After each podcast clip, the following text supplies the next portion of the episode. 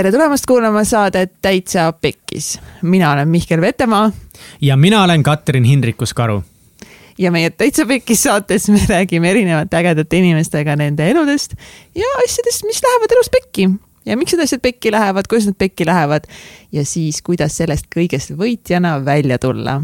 ja tänases saates on meie külaline selline äge, armas härrasmees, kelle kohta mina ütleksin superisa, ei keegi muu kui Illimar Pilt. Wow.. ja blogimaailmas teatud kui Piltsberg, sest äh, naise perekonnimi on Valsberg, tema on Pilt, kokku tuleb Piltsberg, lihtne, loogiline, buum, milles küsimus on? Pilsberg on, Pilsberg jah, Illimar on äh, üks ülilahe tüüp, kes äh, täna on elurändur ja ta on oma eluteel äh, läbinud päris palju huvitavaid seikasid. Ja ta on ehtne lugu sellest, kuidas äh, põline maamees tegi suitsu ja jooki, tegelikult ei öelnud, kas ta suitsu tegi, jah, raudselt tegi, noh. juba laimame siin. pani jooki, pani pidu kuskil Kapa-Kohilas ja lõpuks jõudis endaga selleni, et ta on hipi, ta tegeleb vaimsusega, meditatsiooni, joogaga ja kasvatab kolme väikest armast, värvilist, erksat tütarlast oma kodus. jah, ehk siis ta on isa. jah, seda see tähendab vist. aga enne seda, kui, mis enne seda, tänasest, sellest aastast ta on siis äh, oma valikuliselt äh, olnud stay at home dad, kes samal ajal ehitab üles siis omaenda perebrändi äh, nad teevad oma blogi, nad tahavad sinna juurde tuua videopilti ja, ja sõnum, mida tahab Illimar inimestele edasi anda, ongi just see, et, et kuidas olla isa, kuidas olla rõõmus, energiline isa. ja miks on oluline lastega tegelemine ja ma arvan, et temast saaks või saab, ta ongi juba sellel teekonnal saamas ka mõnes mõttes selles valdkonnas coach'iks. ja ma arvan, et see on väga lahe niši coach ja seda on Eesti meestele vaja, kuidas olla isa seda on kindlalt vaja, mu papsil oleks vaja olnud. kindlasti ja Illimar on ülipositiivne inimene ja meil sai täiega palju nalja siin podcast'is. Illimar on ka lisaks kõigele väga hea story teller, ma ei tea, kuidas eesti keeles on, jutuvestja mm. -hmm räägib ülipõnevaid lugusid ja, ja tõesti, Illimar on nii, ta on lihtsalt nii tore ja siiras ja, ja äge, äge inimene, et meil tuli mega huvitav podcast. jõudsime nii paljudel erinevatel teemadel rääkida. enne seda, kui ta siis hakkas eh, omaenda unistuste püüdmisega tegelema, siis eh, ta on töötanud baarmenina, ta on töötanud alkoholilaos ja viimane töökoht, mis siis oli rohkem tema hingele, kuid lõpuks ei olnud ka päris see, ta oli neli aastat Loodusväes, oli müügijuht ning täna siis ettevõtja ja isa ja elurändur. ja inspireerija ja blogija elukaaslane, okei okay., lisaks sellele siis äh, palun minge follow ge meid äh, Instagramis ja Facebookis ja follow ge meid ka nendel platvormidel, kus te kuulate, et te saaksite endale ting-ting-ting-ting-ting notification'id, kui meie uus episood laivi tuleb, et ilmselgelt ei tohi nagu ühestki episoodist ilma jääda. ja kui teile tänane episood on eriti sümpaatne te saite siit uusi häid mõtteid või inspiratsiooni siis jaga seda episoodi vähemalt ühe oma sõbraga, kes on ka näiteks lapsevanem täna kindlasti teemaks ja kellele sa tahaksid lisada ellu positiivsust ja häid mõtteid. head kuulamist. mis asja, jumalast savi no,, me teeme, mis tahame. meil on täna külas Illimar Pilt, tere tulemast tere! Mitte segame ajada väga kuulsa tegelasega Illimar Piltsberg, täiesti erinev inimene.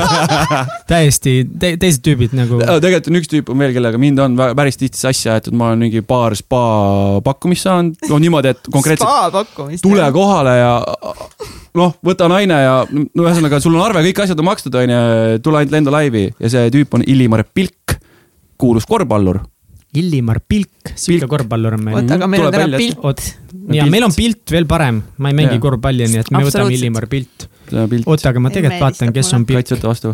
kuule, pane ma laulu nüüd, ma tahtsin kuulata ah,. Illimar rääk-, me ja, siin tšau. kuulasime Post Malone, kats hakkas lambist lihtsalt telefoniga rääkima salvestuse ajal. me sa-, me salvestame podcast'i oh,. Miikel, ma kuulan sihukest asja.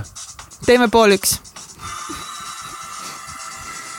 Illimar pildiga. seda peab kuulama nagu seda okay. peab kuulama nagu bassiga. see oli halb mõte, see oli väga halb, ma juba kahetsen seda. vabandust, mul ema helistas. eetri ajal ei tasu, tasu telefonile vastata. aga kuna teil oli niikuinii mingi pidu siin, siis ma mõtlesin, et ma korra, aga eh, tegelikult eh, Illimar on eh, ka meie podcast'i suur fänn, mis on ülilahe ja, ja Illimar mingi päev lihtsalt muusikat, okei okay.. Illimar on meid kuulanud kaua. ja ma, tegelikult ja kui ta väga... meid kuulas, siis ükskord ta mõtles, et ta tahab selles saates olla. ja, väga. ja siis ta andis endale lubaduse, et kui ma seda kuulan, siis ühel päeval ka mina olen seal. ja läks aega mööda, läks kuid mööda.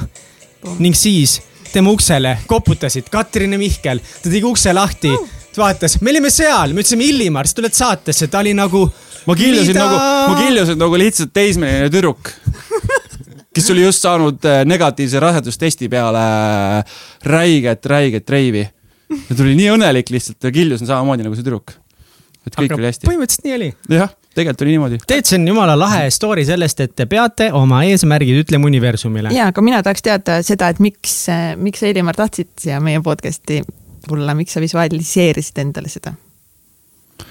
sellepärast, et kui päris aus olen, siis äh, te olete lahedad teete ägedat asja. sest hästi palju räägitaksegi sellest, mis on, kõik on tore ja kena, on ju, ja, ja siis inimestel jääb sihuke mulje, et, et ma ei ole nagu piisav ja siis mul ei ole mõtet hakata selle pärast pingutama.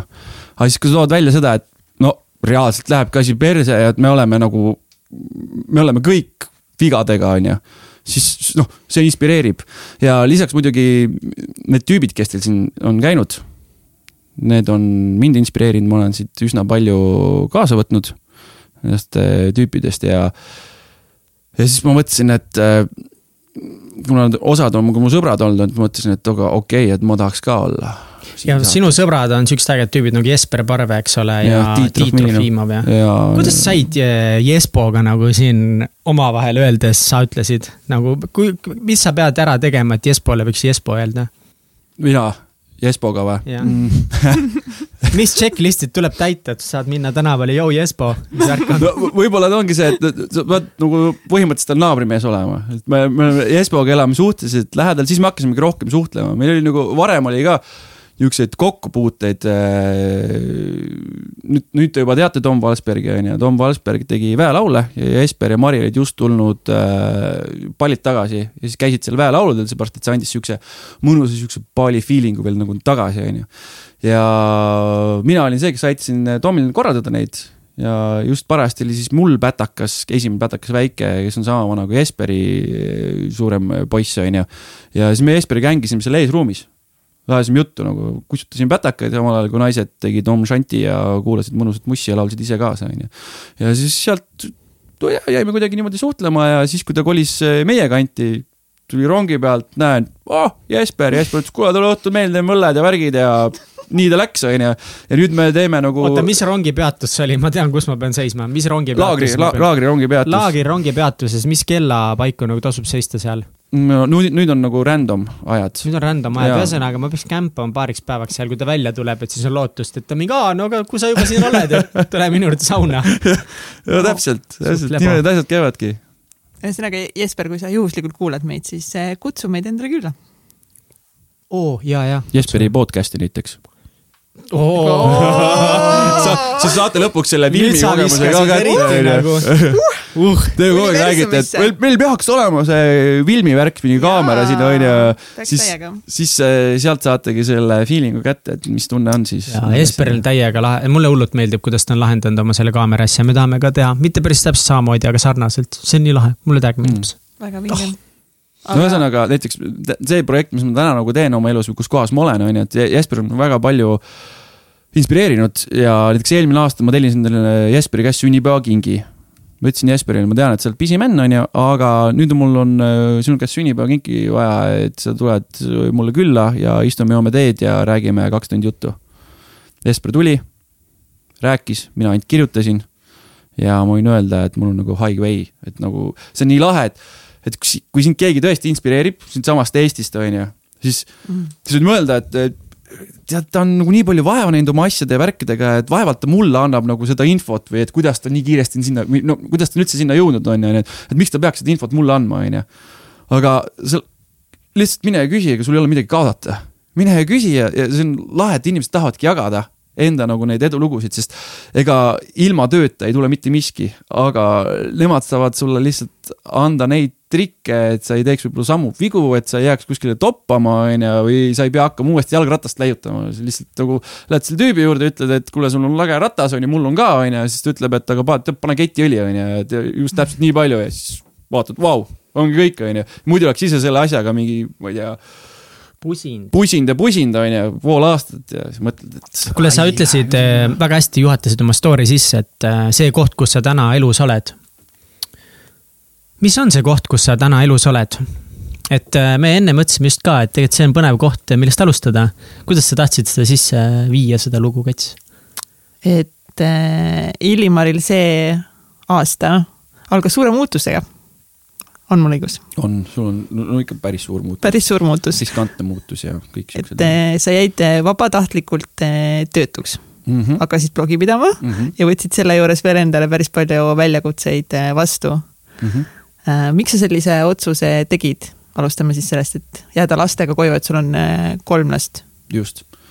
no ütleme, et igasugune loogika ütleb seda, et kui sul on kolm last, eks ju ja, ja sul on äh, pangalaen, kodulaen, sul on auto liisingus, siis äh, et sa, sa ei tee sihukest sammu. siis peaks nagu lisatöö võtma äkki või? peaks ikka lisatöö võtma, on ju, mitte et sa jääd nüüd töötuks ja hakkan, hakkan mingit asja tegema. aga minu sees on olnud kogu aeg selline kutse, et nagu loominimene olen, on ju, ja tahan kirjutada tahan enda seest lugusid välja kirjutada, et ma ennast kutsungi mitte maailmaränduriks, nagu see Tom on ju, vaid ma kutsun ennast eluränduriks. elurändurist optimistiks, kes äh, räägib lugusid läbi enda, enda lugusid ja siis teiste juhtumisi, on ju, läbi iseenda nagu. et ma, ma olen alati sinna mingi kerge niisugune vürtsi või huumori ka juurde, on ju, või siis annan mingi elutarkuse sinna sellele loole, on ju.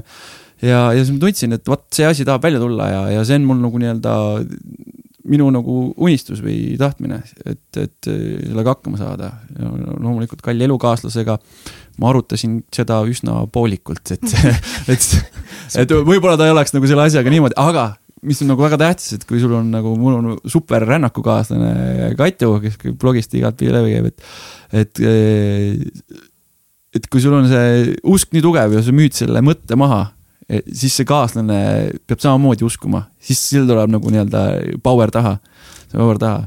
ja, ja mis ma nagu veel avastasin, oligi see, et, et, et mul ema on niisugune nagu poolest saadik niisugune nõid ja posi ja et meil naisliini pidi hästi palju siukseid sensitiivseid naisi olnud kogu aeg, onju. ja siis tema nagu ühel sihuke süvameditatsioonil asjal, grupi meditatsioonil käis ja siis äh, avastas koos nii-öelda enda nagu juhendajaga seda, et, et, et kuule, et, et see poeg, kes sul on, et see on mingi suurema missiooniga seal. siin siia, siia maailma tulnud on ju, ta on õpetanud, mida ma siin nüüd õpetada saan, on ju, mis mul nagu pole midagi anda veel on ju ja kõike. ja, ja siis eh, toimus siin kaks aastat tagasi suur avastus enda jaoks, lihtsalt eh, ma ei tea, kas teil on käinud neid hetki, kus oled lihtsalt lambist ja käib see puh, kõik lööb selgeks, see on see Eureka, vaata, mis nagu a la Newtonil või, või, või siis, kes need teadlased on kuskil vannis on noh, on lahendanud päevi, mingit rasket, ülirasket mm. mingit ülesannet, on ju on mõelnud, mis on, ma ei tea, elu mõte või kuidas seda asja lahendada, on ju, ja siis aju on viidud viimase stressimomendini, siis see krõps, kus kõik kõrvetatakse läbi, on ju, ja siis tuleb see idee. ja ma olin nagu, just olin ka Jesperi juurest tulnud, niisugune ka niisugune inspireeriv vestlus, on ju, ja olin voodis pikali ja siis käis see latakas. et lapsed, lapsed ja isadus et see on see, et kus ma nagu tunnen, et ma pean inspireerima ja, ja olemas olema, on ju, sest mina olen inspiratsiooni saanud teistest papsidest, on ju, mina olen inspiratsiooni kasvõi enda isast saanud, sest ta, ta noh, lapsepõlves mul ei, ei õnnestunud tema kõige paremat kontakti saada, on ju, et äh, aga see oli tohutult hea kingitus, sest ma tean nüüd, milline isa ma ei tahaks enda lastel olla, on ju. Noh, täna on õnneks mul paps on väga lahe vana on ju, super vanaisa ja teeb omal järeleaitamistunde aga siis sealt ma saingi aru, et vau, et kuule, aga see, see on ju see lugu, mida ma saan rääkida. et ma armastan tohutult lastega tegelemist, on ju, ja ma tahan, et mitte ainult minu lastel ei oleks õnnelik lapsepõlv, vaid kõigil teistel lastel ka. sest mul äkki ei olnud nii äge, on ju, et aga miks see nii peab olema. ja nüüd ma tahangi nagu inspireerida neid inimesi ja näidata, et vaadake, et on võimalik, see on võimalik lihtsalt. aga mis asi, mida, mida sa nagu täpselt tahad edasi anda, mis see sõnum on? see sõnum on, see sõnum ongi see kvaliteetaeg, et ole siin oma lapsele olemas, et mm. äh, tihti me nagu paneme selle fookuse kuskile mujale, et no, näiteks mul on ka see periood olnud, kus ma tahan oma perele parimat, et ma tahangi, et me saame käia aastas korra näiteks soojamaa reisil, on ju, ja. ja et mul oleks lastel firmariided seljas ja siis meil oleks tore pereauto ja võimalikult suur maja, on ju. aga see võt-, kõik võtab energiat, kus me seda nagu energiat, raha, on ju, kus me siis energia panustame, on tööle. no ma tahan nagu isiklikku karjääri teha niimoodi. ja siis ma olen seal päevad läbi tööl tulen koju ja ma olen sinna väga-väga palju andnud ja, ja kui ma jõuan koju, on ju, siis ma ei jõua enam lastega tegeleda.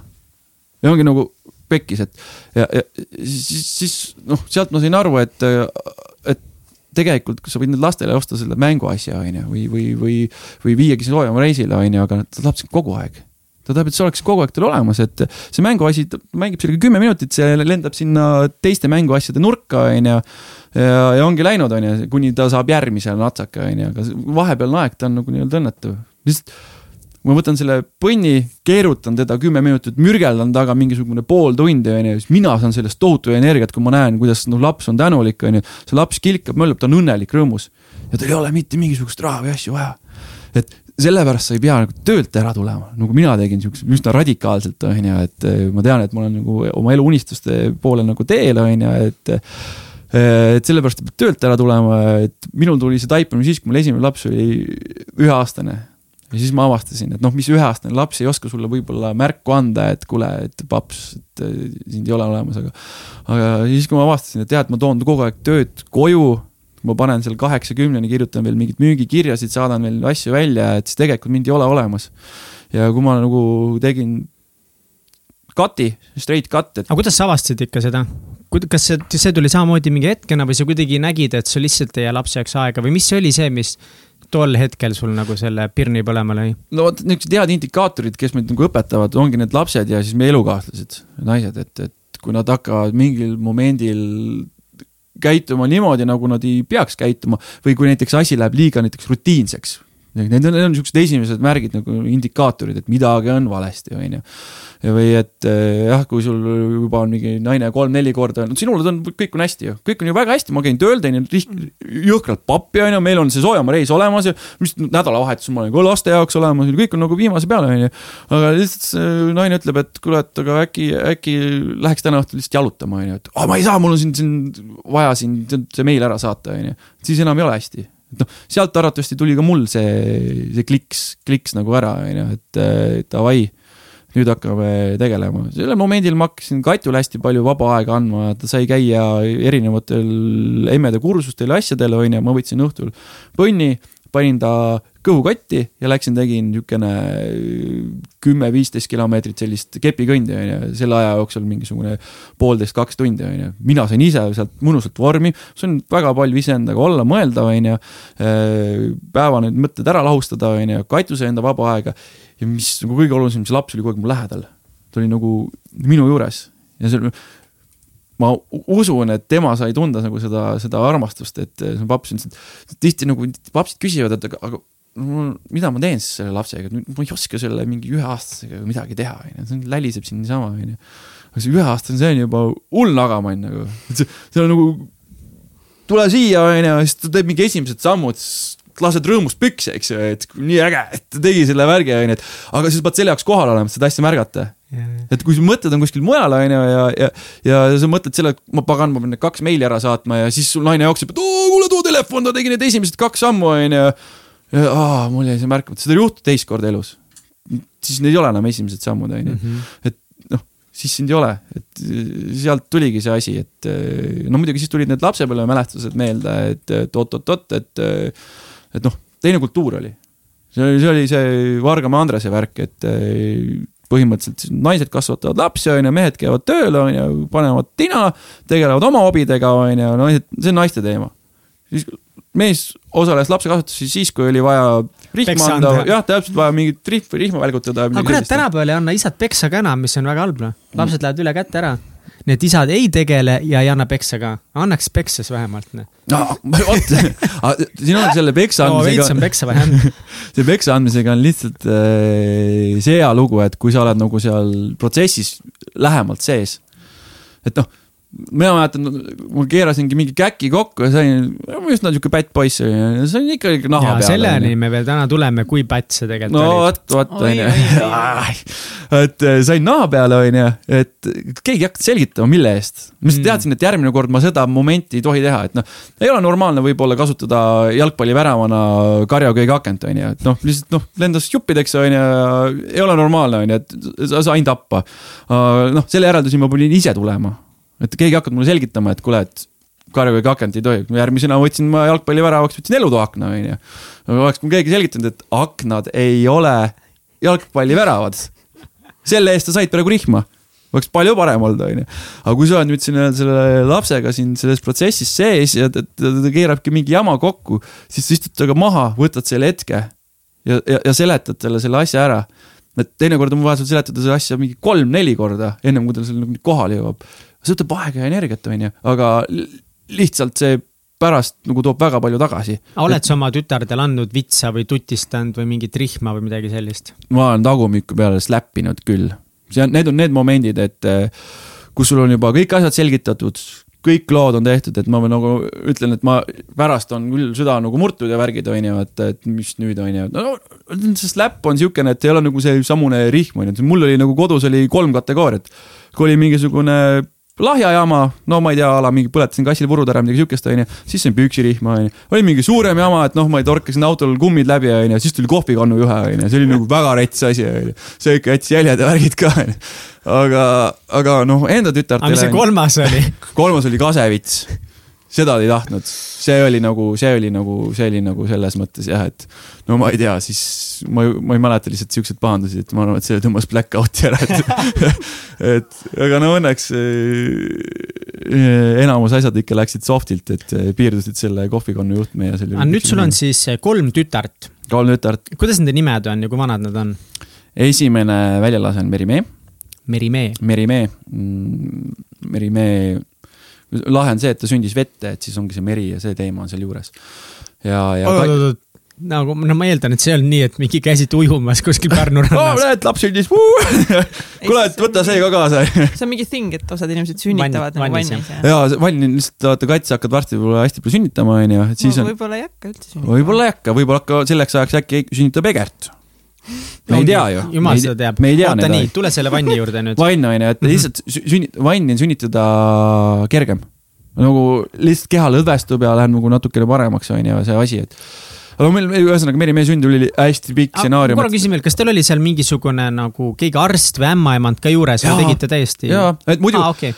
me oleme selles mõttes Katuga natukene, no niisugusest tipiringkonnast ja veits on ju, et siis kõik alati küsivad, et te ei sünnitanudki kodus või, teil ei olnud ka kodusünnitus või?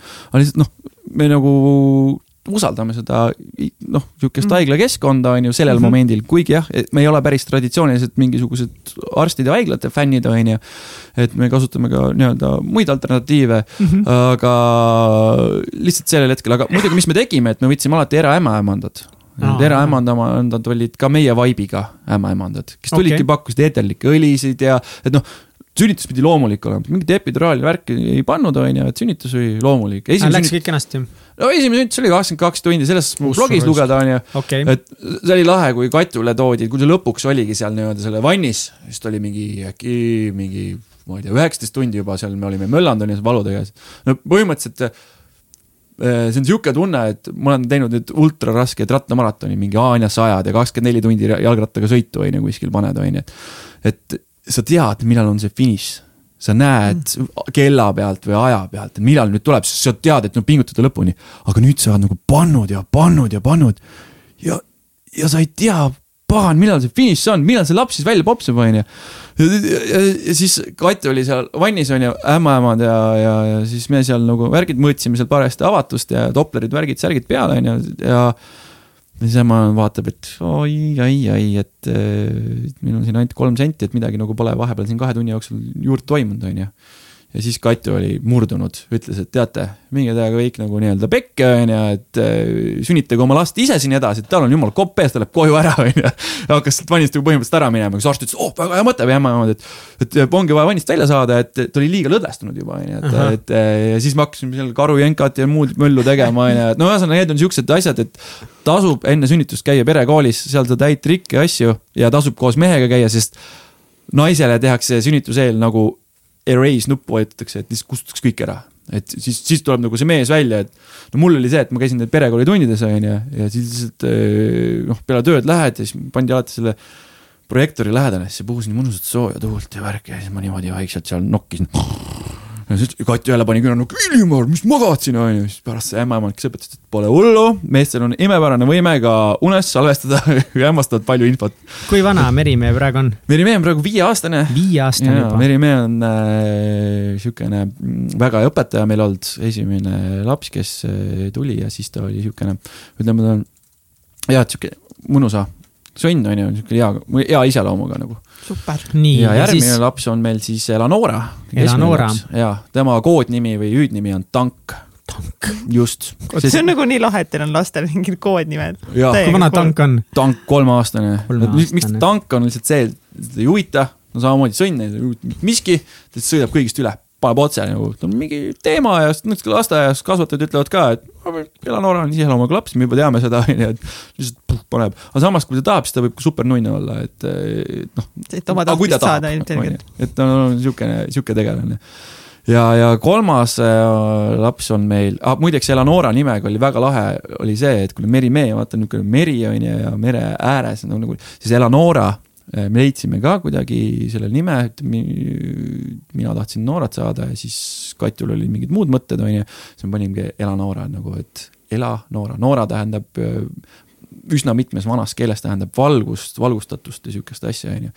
ja siis panime Ela Noora ja siis, kui nimi oli juba pandud, siis kuu aega hiljem avastasime, et see tähendab aborigeenide keeles tähendab mere ääres. ehk siis nagu õde oh Merimee on ju ja siis Eleonora mere ääres on ju. aa, päris cool. ja kolmas laps on kõige väiksem, on, saab kohe-kohe kahekümne kuuendal oktoobril aastaseks. et uh. äh, siis on väike pidu äh,. üsna suur pidu, onul on ju. tema on Madeliine ja. tema on Madeliine. kas sul läks oma kolmanda tütre nimi just meelest või? jaa, Made-, Madeliine, lihtsalt asi on selles, et me kutsume teda konstantselt kogu aeg nanobeebiks.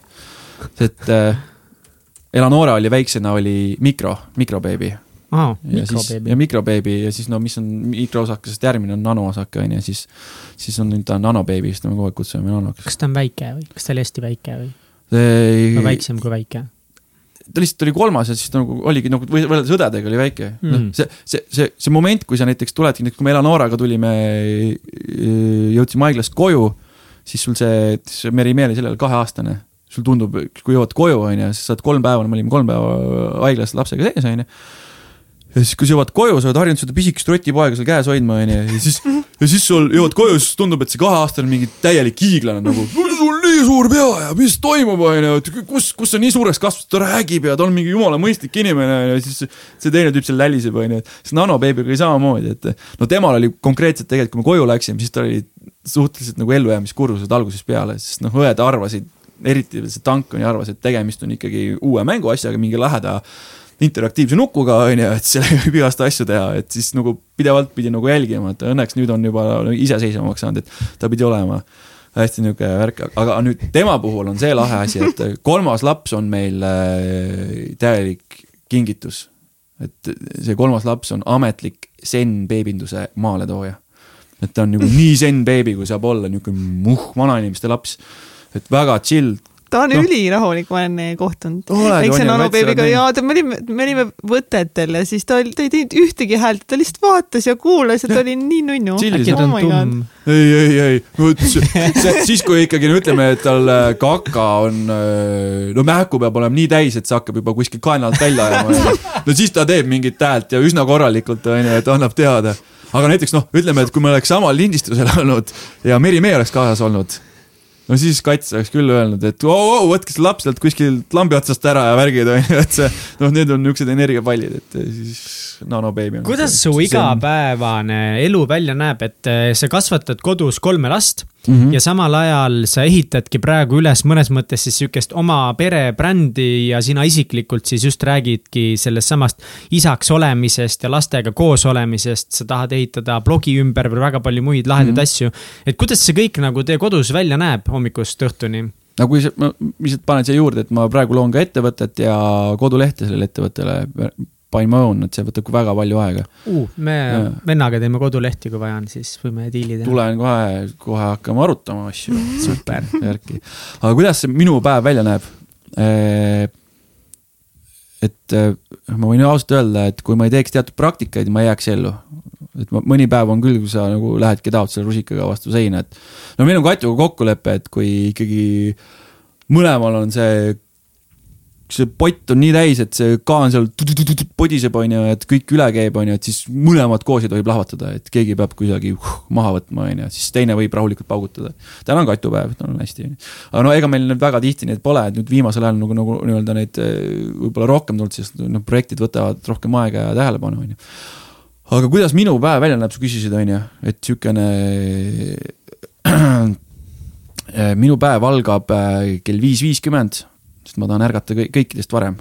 pätakad ma äratan üles kuskil seitse, seitse kolmkümmend või kuidas on. ma tõusen viis, viis kolmkümmend üles, mul on oma niisugused äh, kindlad äh, traditsioonid, mida ma teen hommikul. noh, näiteks pesen hambaid, võib, mõistlik olla, on ju. siis ma joon vett ja siis ma hakkan pihta joogaga. kas need on nüüd sul selle aastaga tulnud need harjumused või need olid juba varasemalt see, et sa ärkad kindlal kellaajal, teed mingit meditatsiooni, joogat mm? -hmm et ma olen niisugune väljakutsete, väljakutsete vana nagu olnud juba viimased neli aastat. ja okay., ja selle, selle, selle harjumuse tegelikult ma sain äh, selle harjutusega, et don't break the chain, et äh, mm. Tarmo Tamm andis mulle sealt oma Musta öö raamatust või enne seda õigemini andis väga hea väga hea selle lükke, kusjuures ma hakkasin seda väljakutset tegema niimoodi, et Eleonora sündimiseni oli aega vist kaks nädalat või et muidu oli enne kaks nädalat enne seda tundus pff, lebo väljakutse, et mul oli iga päev oli kümme ülesannet, mis ma panin, seal oligi see hommikune medikas äh,, jooga, on ju. loen raamatut viisteist minutit, kuulan mingisugust podcast'i või audiot, on ju, viisteist minti, on ju, ühesõnaga teed endaga tööd. Ja see oli tohutu siukene mõnus kiirtee, on ju, et ma selle aja jooksul ma ei tohtinud tilkagi alkoholi tarvitada, on ju, et ma seda kõike jõuaks teha, on ju ja mul oli ka seal sada kätekõverdist, sada kõhulihast, eks ju, ja selle päeva jooksul. Ja siis, kui sündis Eleonora, siis kõik see asi muutus ju, et äh, väikse lapsega sa tegelikult kustutad, mustutad, on ju, beebil on mingid gaasid ja siis sa avastad, et oh, ma sain ta magama, kell on üks öösel ja mul on need sada kätekõverdust tegemata ja siis mul audiobook kuulama, et paned audiobooki kõrva, pumpad kätekõverdusi ja lased, on ju. aga sealt tuli see mõnus harjumus tuli sisse ja ma avastasin, et see üks tund enne seda pere ärkamist, see nagu on nagu väga massive, et see annab mulle nii palju nagu, mulle nagu seda power'it juurde alguses oli muidugi keeruline või mul on mingi mingisugune paus ka siin vahele jäänud selle asjaga, et ma alustasin selle asjaga, et ma, mul jäi vahele siin, see suvi jäi vahele, et see oli kuidagi niisugune, niisugune hästi niisugune lebo suvi või et kui lasin kõik asjad nagu suhteliselt äh, lõdvaks mingisugused põhimõtted, nagu võtsin nagu iseendaga puhkuse või, et seda on ka vahest vaja, seepärast et kui sa nii palju kogu aeg neid asju teed, on ju, et siis noh, delarveeruvad mingi moment või, või tüdined võib-olla ära nendest, on ju, siis on hea jälle otsast peale alustada.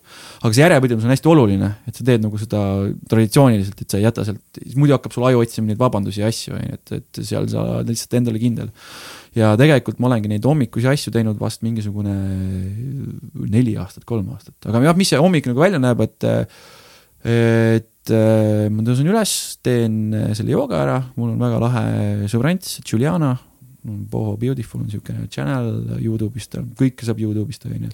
sa tead seda Boho Beautifuli inimest ise nagu või? ei tea, aga lihtsalt. selles mõttes see brants. isegi mina tegin ka kusjuures Boho Beautiful järgi joogat hommikuti vahepeal. on ju lahe. sellepärast lihtsalt mingi ilus naine või? ta on ju tõesti ilus naine. no ta on ikka räige püss okay..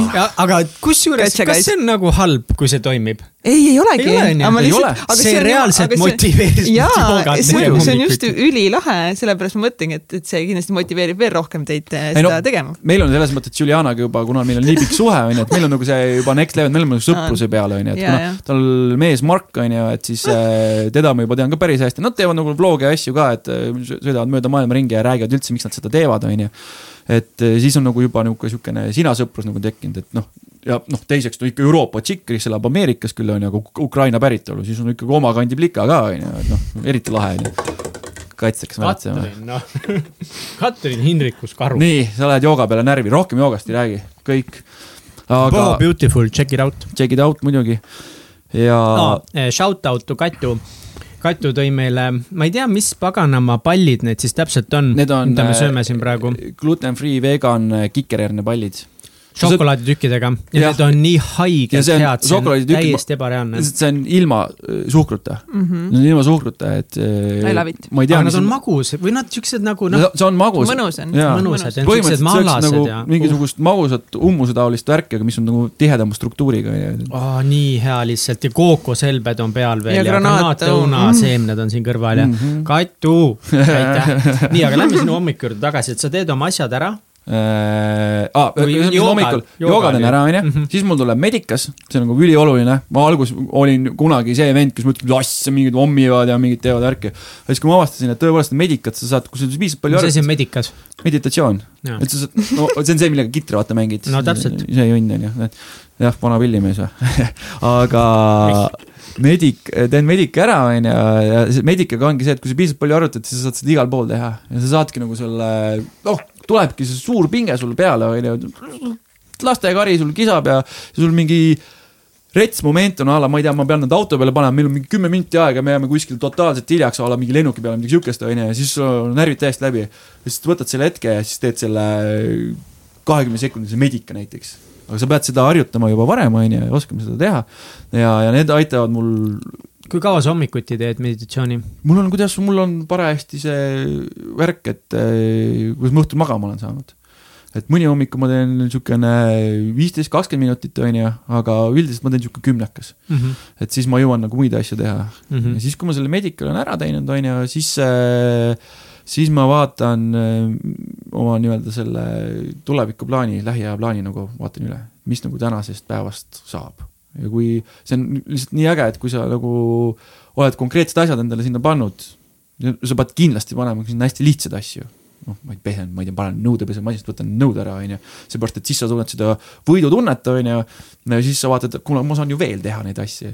ja, ja, ja teine põhimõte on ka siin kindlasti see, et kui sa nagu paned need asjad seal hommikul enda jaoks kirja, õhtul võid need läbi mõelda küll, on ju, aga hommikul paned uuesti kirja, on ju. siis sa avastad selle suure vastiku konna sealt seest Need on tavaliselt need ülesanded, see suur vastikond on see, keda, see ülesanne, mida sa väga ei taha teha, mida sa lükkaksid listis viimasena, viimaseks, aga lihtsalt point on see, et kui sa lükkad selle viimaseks, siis sa oled kõik oma hea energia ära kulutanud nende toredate asjade tegemiseks, on ju, ja siis sa lükkad selle juba järgmisesse päeva. et mm. söö see suur konn alati esimesena ära mm. ja toimeta see nagu ära ja siis, siis on nagu sul jälle nagu hea kaif, kaif tunne nagu. ja siis sellel momendil äh, ma söön minu jaoks on nagu, ma saan aru, Mihkel hommikuti ei söö. ma, ma olen see maapoiss, meil olime harjunud kell viis hommikul üles, lehmasid talitama, siis pandi ikka niisugune korralik kuhi praekartuleid, mingisugune peekoniribad, mölud, niisugune tõsine söök ikka, mis tavaliselt õhtuks jäi. pandi ette, seepärast et sa pidid sellega kestma ju kuskil mingi lõunasöögini koolis, on ju. et pandi ette ja, ja.... ma kooli ajal sõin ka hommikuti alati sõid alati. ja see on mingi viimase paari aasta teema. no mul hakkavad soolikad valutama, kui ma ei söö nagu, et siis mul läheb, no noh, magu õigemini, et, et. ja et siis nagu äh,. nii, aga davai, sööd ära? söön ära, onju, siis ma äratan lapsed. no see on siuke ilus. ilus hetk või? ilus hetk, siis hakkab päris elu, hakkavad läbirääkimised, siis keegi ei taha tõusta, onju, keegi ei taha riidesse panna, siis sul tegi, ema tegi väga vale patsi pähe ja kõik siuksed äh, lapsevanemad, ma arvan, mõistavad, kes kuulavad, on ju, et teevad väga hästi neid eh, erinevaid eh, stsenaariumeid ja kasvuperioodi ja asju, et õnneks noh, niisugune mõnus dünaamika, et ma väga ootan, mis nanobeebist saab, et eh, kuna ta eristub täiesti oma õdedest oma käitumistega, sest noh, Elanoora käitumismustrid ma näen, kõik, mis toimub nagu vanuses, seal on see hull kahene ja crazy kolmene ja kõik siuksed asjad on ju, mingisugune ei taha periood ja meil, meil on praegu see ülivarane puberteet see on niimoodi, väga varajane puberteet. no see on nagu, aa see on igav, ah mis iganes, siis lüüakse uks kinni, onju. ma tahtsin sulle kõigest lihtsalt mütsi pähe panna, onju. oh, vadeda ja umbes niimoodi, onju, ja siis oh, kus sa ei peaks seda tegema mingi neljateistaastaselt, paugutad uksi ja värke, onju, et mis toimub, eks ju.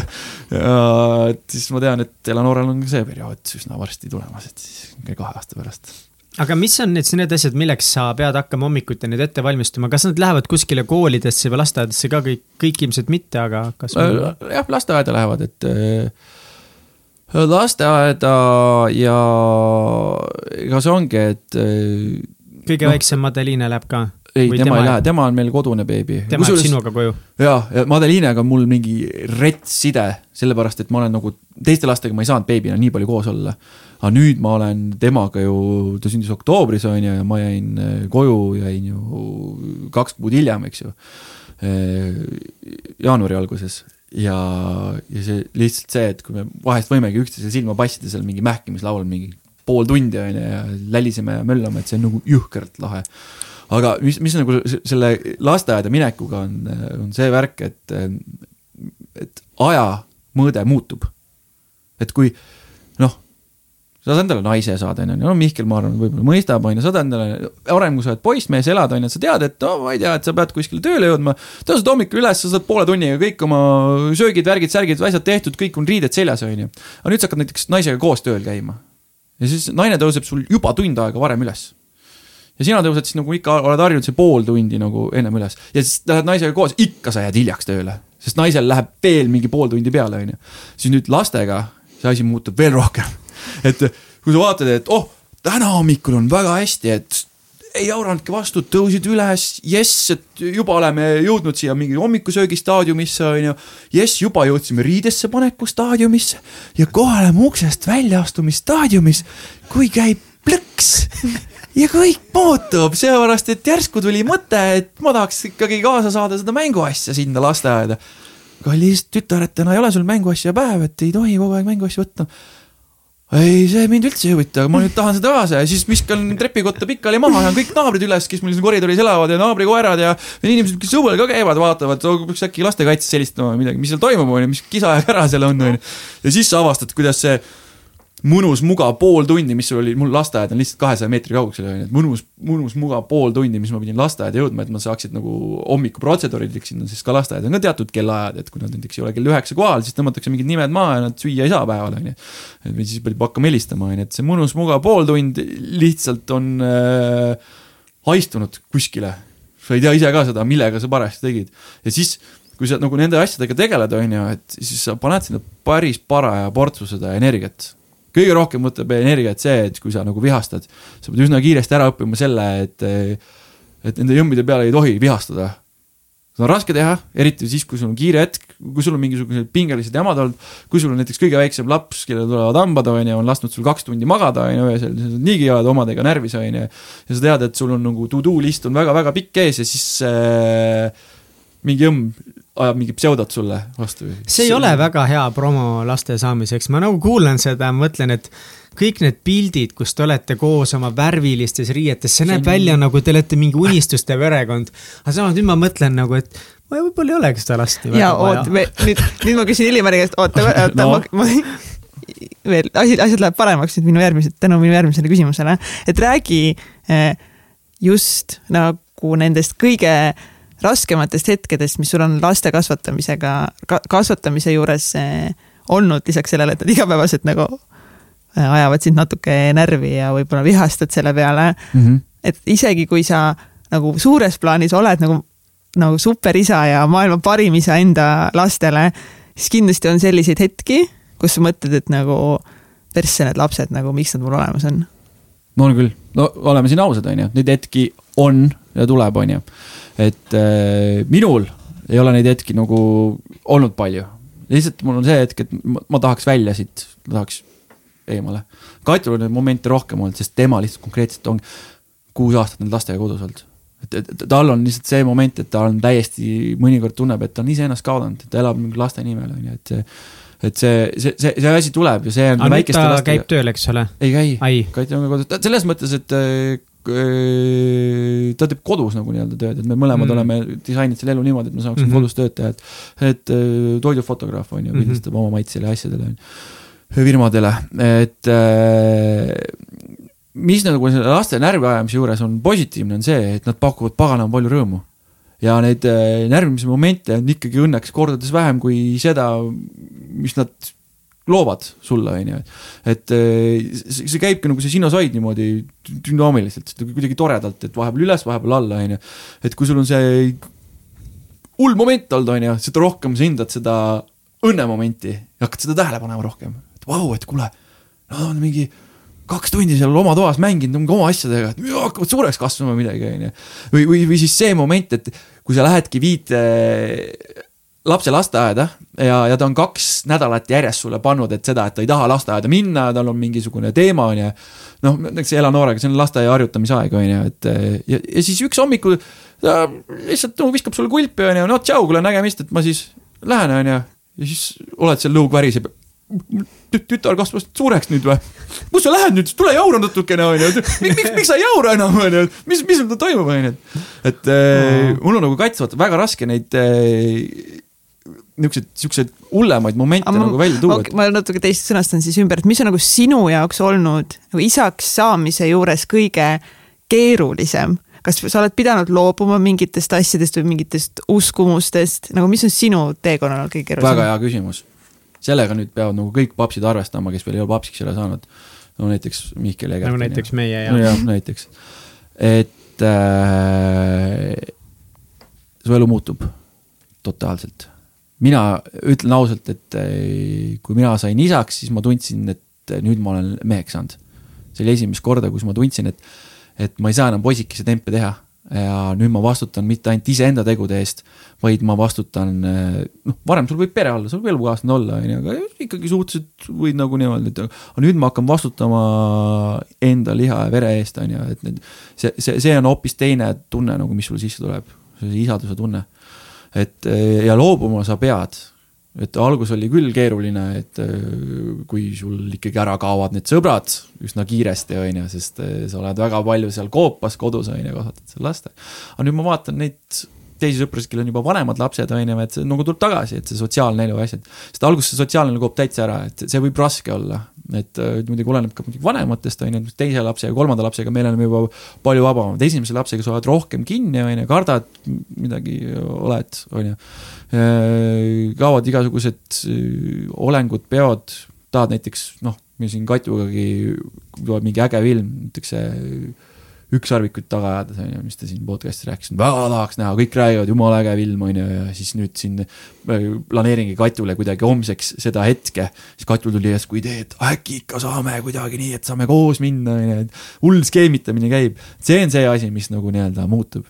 noh, ma tean, et tulevikus on ka kõik need koolid ja hobid ja asjad, on ju, et siin ka tuleb endale mentor võtta, vaadata, kes on need asjad läbinud ja kuidas, kellel nagu hästi läinud et äh, kuidagi asjad läbi mõelnud, et noh, ei ole pointi last panna balletitrenni näiteks, mis on äh, teisel pool linna otsa, siis saad mingisugune logistik või autojuht.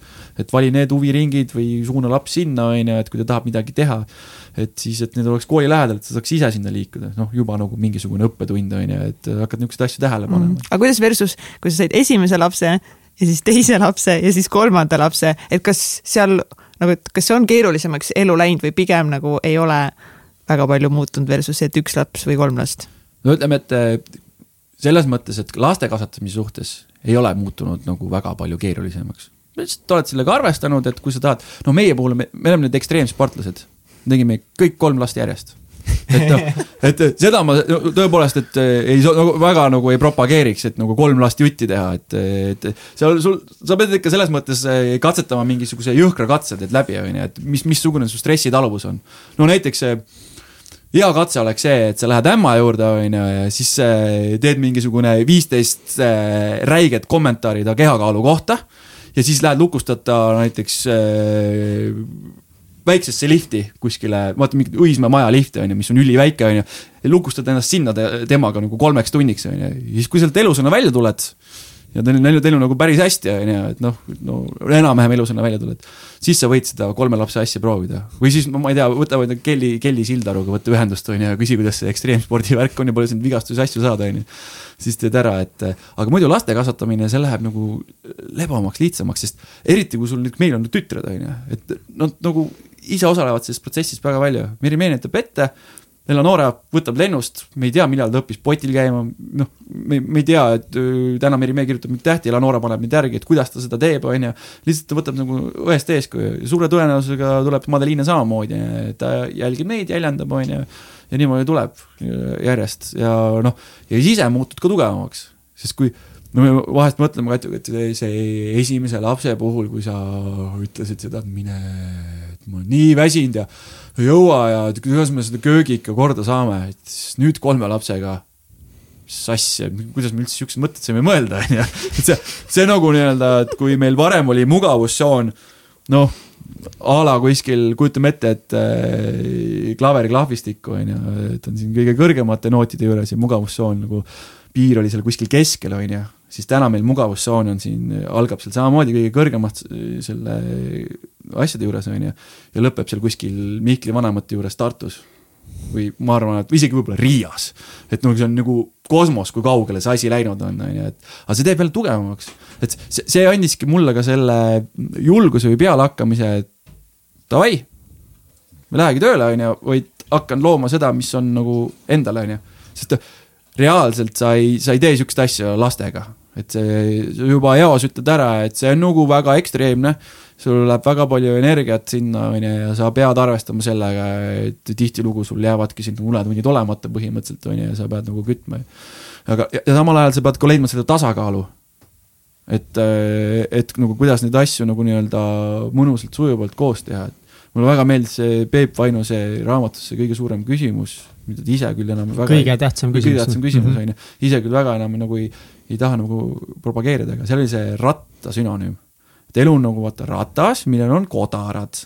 iga kodar tähendab, tähistab midagi eh, olulist su elust, on siin hobid, töö, naine, lapsed, vaba aeg, on ju, reisid, on ju ja nüüd on nii, et äh, istud maha, on ju, paned oma need kodarad sinna kirja, nii palju, kui sul parajasti tuleb, noh, soovitan alguses panna neli või viis, on ju, ja, ja mis on kõige tähtsamad, mis kõige rohkem, kus sa oma aega nagu kulutad, on ju. ja siis vaatad, mis seisus sa oled nendega, kui palju sinna aega pühendad või, või kuidas see on, siis kui sa avastad, et oo oh, jee yeah,, et mul on töö viie peale, on ju. ja siis avastad, et opadi, et mul on naine ainult kahe peale, et ma ei mäleta mu laste nimesid, need on vapsee miinuses, on ju, et nüüd, kus üks kodar sealt mm. on kas teistest liiga pikem või, või puudu, siis see ratas enam ei veere, ta hakkab, noh, läheb kaheksasse, hakkab loperdama. parem vii nad kõik siis kolme peale, on ju, see ratas veereb. ja päris hästi, on ju. et mõnikord muidugi on vaja neid spurte teha. et mõnikord on vaja sinna kütta mm. nädal aega näiteks ettevõtlusesse, on ju, või sellesse asja, on ju et või, või mõnda suuremasse projekti, on ju, aga siis sa tead, et kui sa nüüd tagasi tuled, siis sa panustad jälle lastele, on ju, või, või siis see, kus sa nagu nii-öelda puudujääk oli, et sa teed nagu sealt tagasi. aga mis sa, mis sa soovitaksid võib-olla, kui keegi lapsevanem praegu Eh, kuulab ja ta on sellises eh, natuke raskemas olukorras, praegu on selline täitsa pekis hetk, kus ta tunneb, et ta lihtsalt ei jaksa enam, nagu tal ei ole aega iseendale, pole aega tööle, et justkui nagu kõik on natukene nagu pekkis, et mis sa, mis sa soovitaksid eh, lapsevanemana teha, mingid head nipid, trikid? okei okay., no kujutame ette, et sellel lapsevanemal on kohe nagu väga pekkis, et noh, meil nii väga pekkis pole, sest äh, meil on siuksed äh, võluhaldjad ümberringi, kelle nimed on tugiisikud. Need on vanaemad ja vanaisad ja, ja igasugused toredad sõbrantsid ja sõbrad, kes meil on tekkinud, kes on vahepeal tulevad, hoiavad lapsi või on nagu koos meiega, et mis maandavad nii-öelda seda momenti.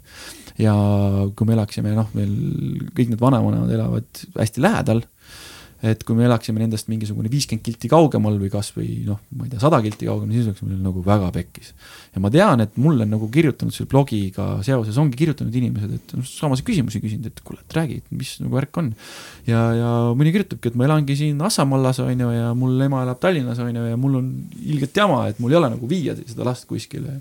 ja, ja ma olen siin kodus ja täiesti sihukeses majanduses. et siin on need hetked, et noh kui ei ole veel nii ekstreemne, et sa üksipäini kasvatad näiteks seal neid kahte-kolme last, on ju, et kui sul on ikkagi elukaaslane olemas, laste isa ja kõik, et, et sa pead andma neid hetki üksteisele. mina olen ka hakanud nüüd niimoodi tegema, et siin Katult olen õnneks saanud kaks nädalat välja lasta. ja, ja varemgi olen üritanud seda teha, et push ida välja, sest noh, selles mõttes, et kui, kui on kolmas nagu see oli beebi, on ju, siis no ma ei tea, et no kolmepäevaselt juba ma võisin katul lasta tavalikult minema, on ju, aga lihtsalt, et sa pead kolme tunni pärast tagasi olema, et dissi anda, et noh, tee, mis tahad oma eluga, et et ma saan sellega väga vabalt hakkama. esimese lapsega ma ei oleks seda julgenud teha, aga noh, kolmanda lapsega sul tuleb see skill, on ju. et sa pead seda hetke andma, et eh, sa pead korra sealt sellest, sellest asjast välja saama. ja kui sa sellest hetkest nüüd välja saad, sellest koopast, sellest laste mõlust või asjast, siis äh, palun ole ka seal hetkes ära mõtle selle peale, et oh, ma nüüd jõudsin kinno, nüüd ma pean vaatama, millal järgmine buss tuleb või, või läheb peale kino, et ma pean siis kohe koju tagasi minema, onju. ei, sa, sa, lähedki, sa vaatad seda filmi, sa ei sunnid ennast mitte neid mõtteid mõtlema. et sa oled seal filmis, sa elad selle täiega sisse sa tead küll seda, et okei okay,, sa lähed tagasi, et seda oli väga vähe, et sa pead sinna koopasse minema. aga kui sa seda hetke tähele ka ei pane, siis seda ei olnudki. siis pole pointi seda teha. et see on see soovitus, et sa ole lihtsalt selles nagu nii-öelda selles hetkes. no mind isiklikult aitavad need eneseabi nii-öelda need praktikad või no samune jooga ja medikas on ju, et. et mis nagu mind väga nagu kõigile see ei pruugi sobida, on ju, ei, ei, ei toimi. aga mul nagu see asi nagu on nagu päris hästi, et ma saan, no muidugi noh, mul on nagu võimalus rohkem sealt kodunt välja ka käia et ma ei pea nagu nii palju siin sees olema. aga muidu jah, see soovitus on see, et äh, lihtsalt võta see hetk. et isegi kui sa üksik ema oled, et ma ei tea, et kuskilt koguda raha, et mul on väga raske koguda see üksik ema, et seal väike lapsi hoida või, või manifesteerida endale mingid toredad inimesed, sest meil on nagu see manifesteerimisjõud on nagu rets olnud. täna on meil nagu, kutsume Eleonora ämmaks-äiaks neid, väga lahe perekond. ja lihtsalt Nad helistavad ise, et kuule, tooge nüüd lapsed siia mängima. meil on kotu kuule, minu, nii, nii, nii, Netflix käima, mingid popkornid, mölluvad, värgid, mis me teeme, mis me teeme, nagu lähed täitsa lolliks, onju, et aah, me saame selle mingisuguse kaks tundi nagu uh, iseendale, see on nii, nii äge nagu, et äh, lased sellel olla. kas äh, saab seksida, kui on kolm last?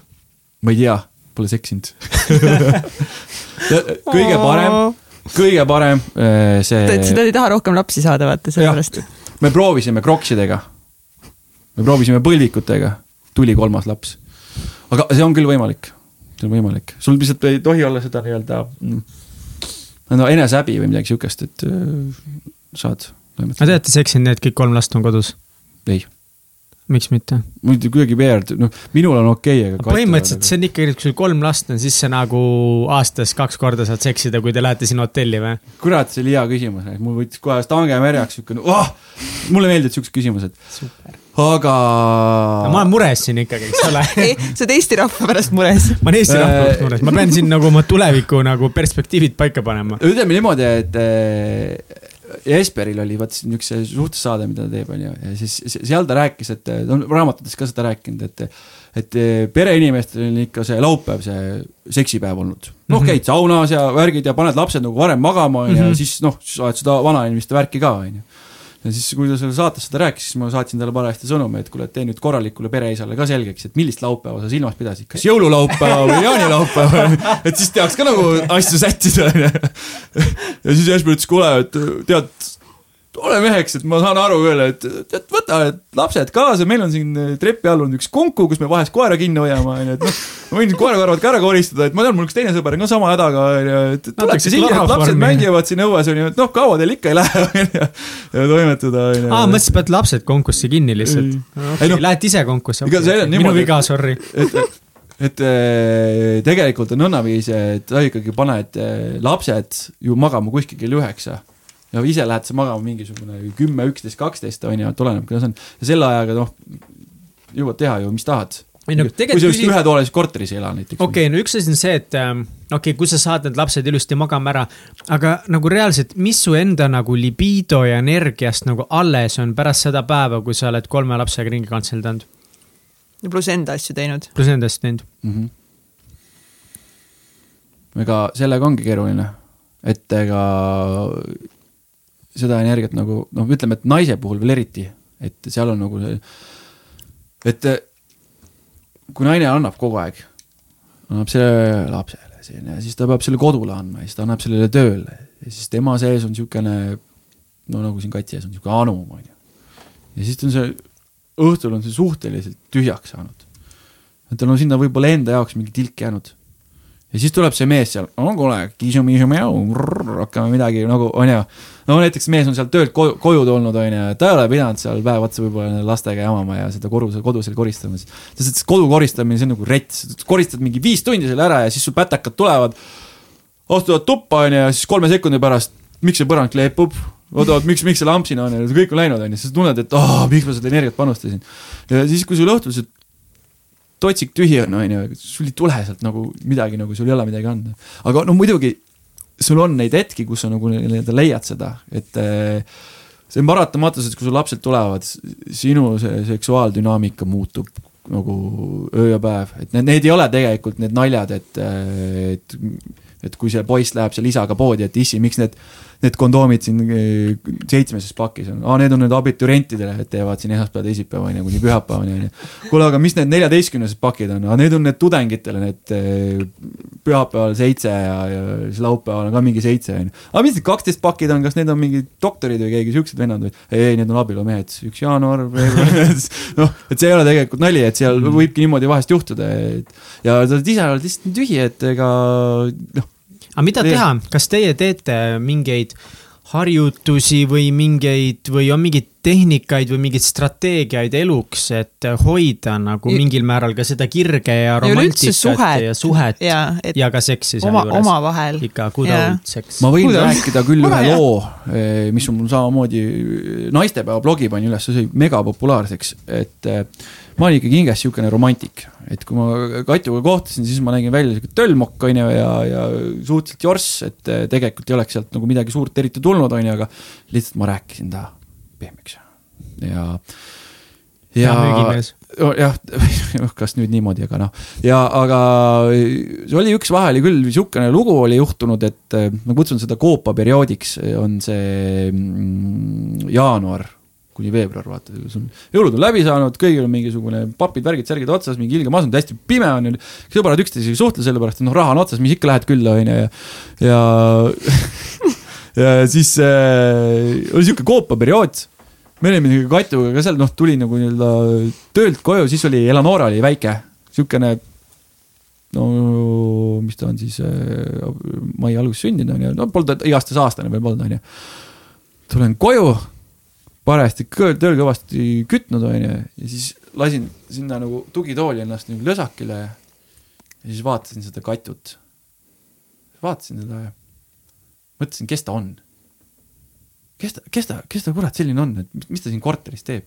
kas ta on, kas ta on mu mingi korterikaaslane, mingi kaasüürnik või, või, või on ta mul mingisugune lapsehoidja siin või mingisugune, või oleme mingisuguses kummalises huvitavas reality show's, kus vaadatakse, kaua inimesed nagu nii vastu peavad mingisuguste asjadega, onju.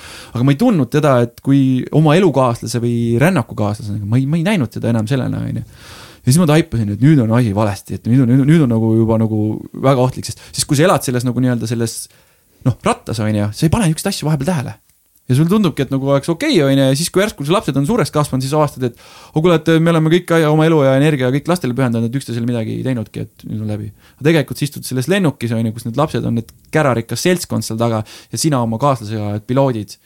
kui teie nüüd olete kogu aeg teenindate seda kärarikas seltskonda seal taga, kes siis lennukit juhib, lennuk paneb põmm kuskile vastu puud, üks päev saab autopiloot otsa ja ongi kõik, on ju. et siis on, siis on nagu jama, siis ma vaatasin, et okei okay,, et ma pean midagi ette võtma et eh, ma tahan teada, kes see naine on. kes see on see naine, kes istub seal diivani peal? kes on see õnnetute silmadega, kes on väsinud, midagi sorakil juustega, kes see inimene on? noh, ilmselgelt nagu raske päev olnud. ja siis ma tegin endale sellise challenge'i, et ma kirjutasin iga päev selle postit, see pisikese märkme paberi peale. et otsustasin, et ma iga kolmkümmend järgmist päeva kirjutan selle paberi peale, mida ma katus näen mida ma näen tema sees. et esimesed niisugune, no selle asja juures oli veel huvitav see, et ma peitsin need paberid, kui ma olin kirjutanud valmis, onju, siis peitsin igale poole siukest kohta, et kus Katu nagu päeval toimetab, et ma ei pannud kuskile öökapi peale talle, onju. kui Katu, Katu päeval toimetab, ma ei tea, võtab külmkapist piima või midagi, et siis ta avastab, oh, mis siin piimapaki peal on, onju. või, või, või, või, läheb hambaid pesema, vaatab, oi, mis nambaharja juures on, et tal oleks ka nagu üllatus või mingisugune erilisus seal päeva sees, onju ja selle kuskil viieteistkümnenda, kuueteistkümnenda päeva juures vist avastasin, et, et vot niisugused lihtsad asjad hakkavad otsa saama. no ma ei tea, et see on ilus silmad ja kena naeratus ja kõik siuksed asjad on ju, noh, tore nagu soeng ja. ja siis hakkad nagu sügavamaid mõtteid mõtlema. kolmekümnendaks päevaks ma olin selle asjaga nii kaugele jõudnud, mõtlesin, ma teen veel kolmkümmend päeva. sest, sest siis olin ma niimoodi, et kui ma tõusin hommikul üles, mõtlesin, et mida ma nüüd, mida ma nüüd Katjus näen.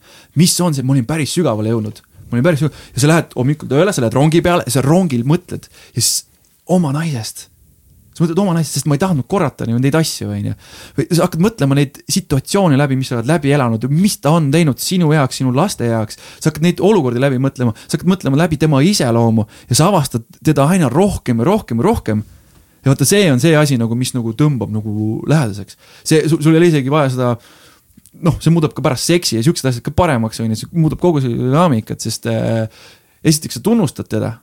see tekitab sellest hea tunde, tema tahab olla juba parem ta näeb, et äh, asi läheb nagu kõik mõnusamaks. ja, ja teiseks, sina avastad päriselt, kes on see inimene, kellega sa koos oled. Sa jõuad päris sügavale, muidu see asi võikski pealiskaudseks jääda, kasvatame iga päev lapsi ja kõik on tore, on ju. ja see oli nagu väga lahe niisugune challenge, mida ma soovitaksin kõigile Eesti Vabariigis elavatele meestele ja ka neile, kes elavad teisel pool piiri et katsetage ära, tehke kasvõi, ma ei tea, viis-kuus päeva. et kui, kui rohkem ei tule parajasti, aga noh, see päris see breik hakkab ikka sealt kolmekümnendast. või oleneb, kellel, kellel kuidas mida, et võib-olla on väga palju sealt seest tulemas. Eriti kui oled selles momendis, et nüüd on midagi mäda. et siis, siis kui, kui seal tõesti ei tulegi midagi enam su seest, siis äkki ongi midagi mäda, ongi tühi, ongi kõik, et te olete erinevat teed pidi läinud, erinevates inimestes kasvanud, nägemist. tšau, tšau kõik korras. sihuke asi, sobis vastus. aitäh sulle selle eest kuidagi vaikseks jäi kõik. see oli, see oli väga ilus. see oli täiega ilus. Aitäh, et. ma läksin ise ka nii mõttesse. ja no,, ja täiega. kuidas nagu, kuidas me üldse täna hindame neid inimesi, kes meiega on ja mida me teeme üksteisele, sest no loomulikult see kõik on nii palju crazy im, kui sa oma eluunistusi püüdes igapäevaelu elades tegeled veel kolme lapse kasvatamisega ka, eks ole, aga meil samamoodi Jeniga nagu, et kui palju me tegelikult siis nagu mõtleme just selle peale, kes on see inimene, mis on need hetked ja asjad, mida me üksteises austame ja armastame ja endale tähelepanu panna, et sa ei tohi selle autopiloodi peale minna. ei tohi. no sama asi on tegelikult ka nende inimestega, kes on sinu vanemad, noh, väga suur respekt, ka sinu mingisugused sõbrad, väga lähedased inimesed et kunagi Tomiga tegime sihukest lahedat sellist harjutust, kus sa läksid magama ja teadsid, et järgmine päev on sinu elu viimane päev. Tom siis ehk Tom Valsberg. Tom Valsberg, jah. et järgmine päev on sinu, kuidas rännata ilma ilmuta, vaata, mis ta sulle kinkis Kats, seal raamatus on ka see asi. et kuidas, järgmine päev ärkad üles ja sa tead, et see on sinu elu viimane päev. rohkem ei ole esimene asi, mis on, sa hakkad ennast nagu aletsema, suren ära ja siis mõtled selle peale, et no kes mul enam-vähem nagu matustele tuleb, midagi sihukest, on ju.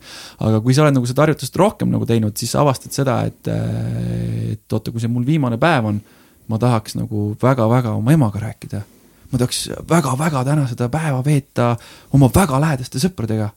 et, et ja sa mõtled nende peale, sul tulevad need inimesed järsku, kes, kellest sa päriselt hoolid nagu, tulevad sulle järsku esile siis avastad seda tänutunnet, on ju, et sa hakkad kuidagi selle peale ka mõtlema, sa avastad seda tänutunnet, kui palju näiteks su ema või isa sinu kasvatamisse panustanud.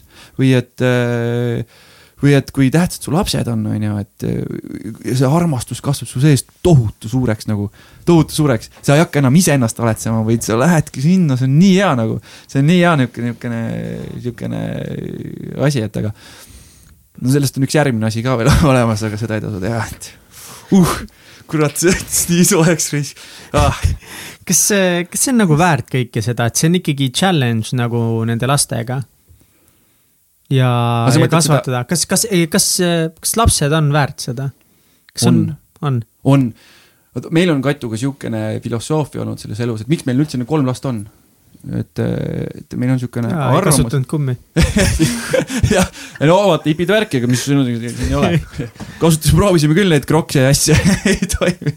aga miks meil on neid lapsi, et siis meil on niisugune filosoofia, et kui kahe inimese vahele ei mahu enam, no nii palju on armastust kahe inimese vahel, et see enam sisse ei mahu, siis see realiseerub laste näol ja, ja täna on. sa oled nagu mingi romantikaraamat lihtsalt lõpeta ära, mine perse noh. ei no, võib lihtsalt ütlus olla midagi siukest, onju, aga ma ütlen ausalt, et kolmas laps nagu uh, hästi selle armastuse balanssi, jaotad nagu kõigi vahel ära. ja lihtsalt kui sa oledki nende laste jaoks olemas, see, see tänutunne, see rõõm, mis sealt tuleb nendest lastest. mind kunagi ma kuulsin ühte niisugust väga kurba lugu, et ma olin, meil pere käib jõulude ajal koos, mul on hästi suur pere, mul on neli venda, on ju, kõik lapsed, vanematel mingi kolmteist lastelast või üksteist praegu, kolmteist tuleb varsti. kaks tükki wow. tulekul, on ju. ja siis, kui me kokku saame, on ju, siis oli meil väiksem pere. ma veel Katut ei teadnud nagu midagi ja elasin nagu teistsugust elu ja ja meil oli jõuluistumine vanemate poole, elavad Kurtnas, Kiisal, Saku lähedal ja ema on koolis õpetaja olnud ja olime jõuluistumisel ja, ja valmistasime seal asju ette ja kes, mis, kus kattis lauda ja taldrikuid ja, ja siis ema võttis, pakkis ühe plastikkarbi sisse ja pakkis ka ühe jõuluprae nagu sisse ja siis hakkas uksest välja minema, ma ütlesin, ema, kus sa lähed? kus sa lähed? ta ütles, et ta läheb, viib, Milvi või Helga või kes see oli, oli üks söögitädi neil lasteaias, ta viib talle selle söögi, sest ta on üksipäini, ajal hmm.. tal pole mitte kedagi, tal ei olnud noh, ta oli juba noh, viiekümnendal. Ja ta ütles, et lihtsalt, et äh, ta ei taha, et oleks kurb ja lihtsalt noh, mis ta tegi, seal kodus, ta oligi nutis, on ju, jõulude ajal, keegi ei tohiks jõulude ajal nutta. Et ma, ma oleks ta hea meelega enda juurde kutsunud, on ju, aga ta ise nagu keeldus sellest asjast, on ju, ja ema läks, viis talle, viis talle selle söögi, on ju. ja siis ma sain aru, et aga mina ei taha olla see üksipäini, kes istub, on ju, seal kurvalt, on ju, jõulude ajal, kus on kus mul on niisugune pere nagu koos. see, need jutud, need naerud, need see lähedus on ju, et mõnda venda võib-olla tükk aega näinud on ju, tügamine, tõuksimine on ju. ma tahan, et mul oleks ka niisugune äge pere, et kokku tulema on ju, et see noh, arvatavasti tulebki võib-olla kodust see kaasa, et kui sul on suurem pere on ju, et siis eh, tahad ise ka nagu rohkem, et eh, lapsi ja asju on ju.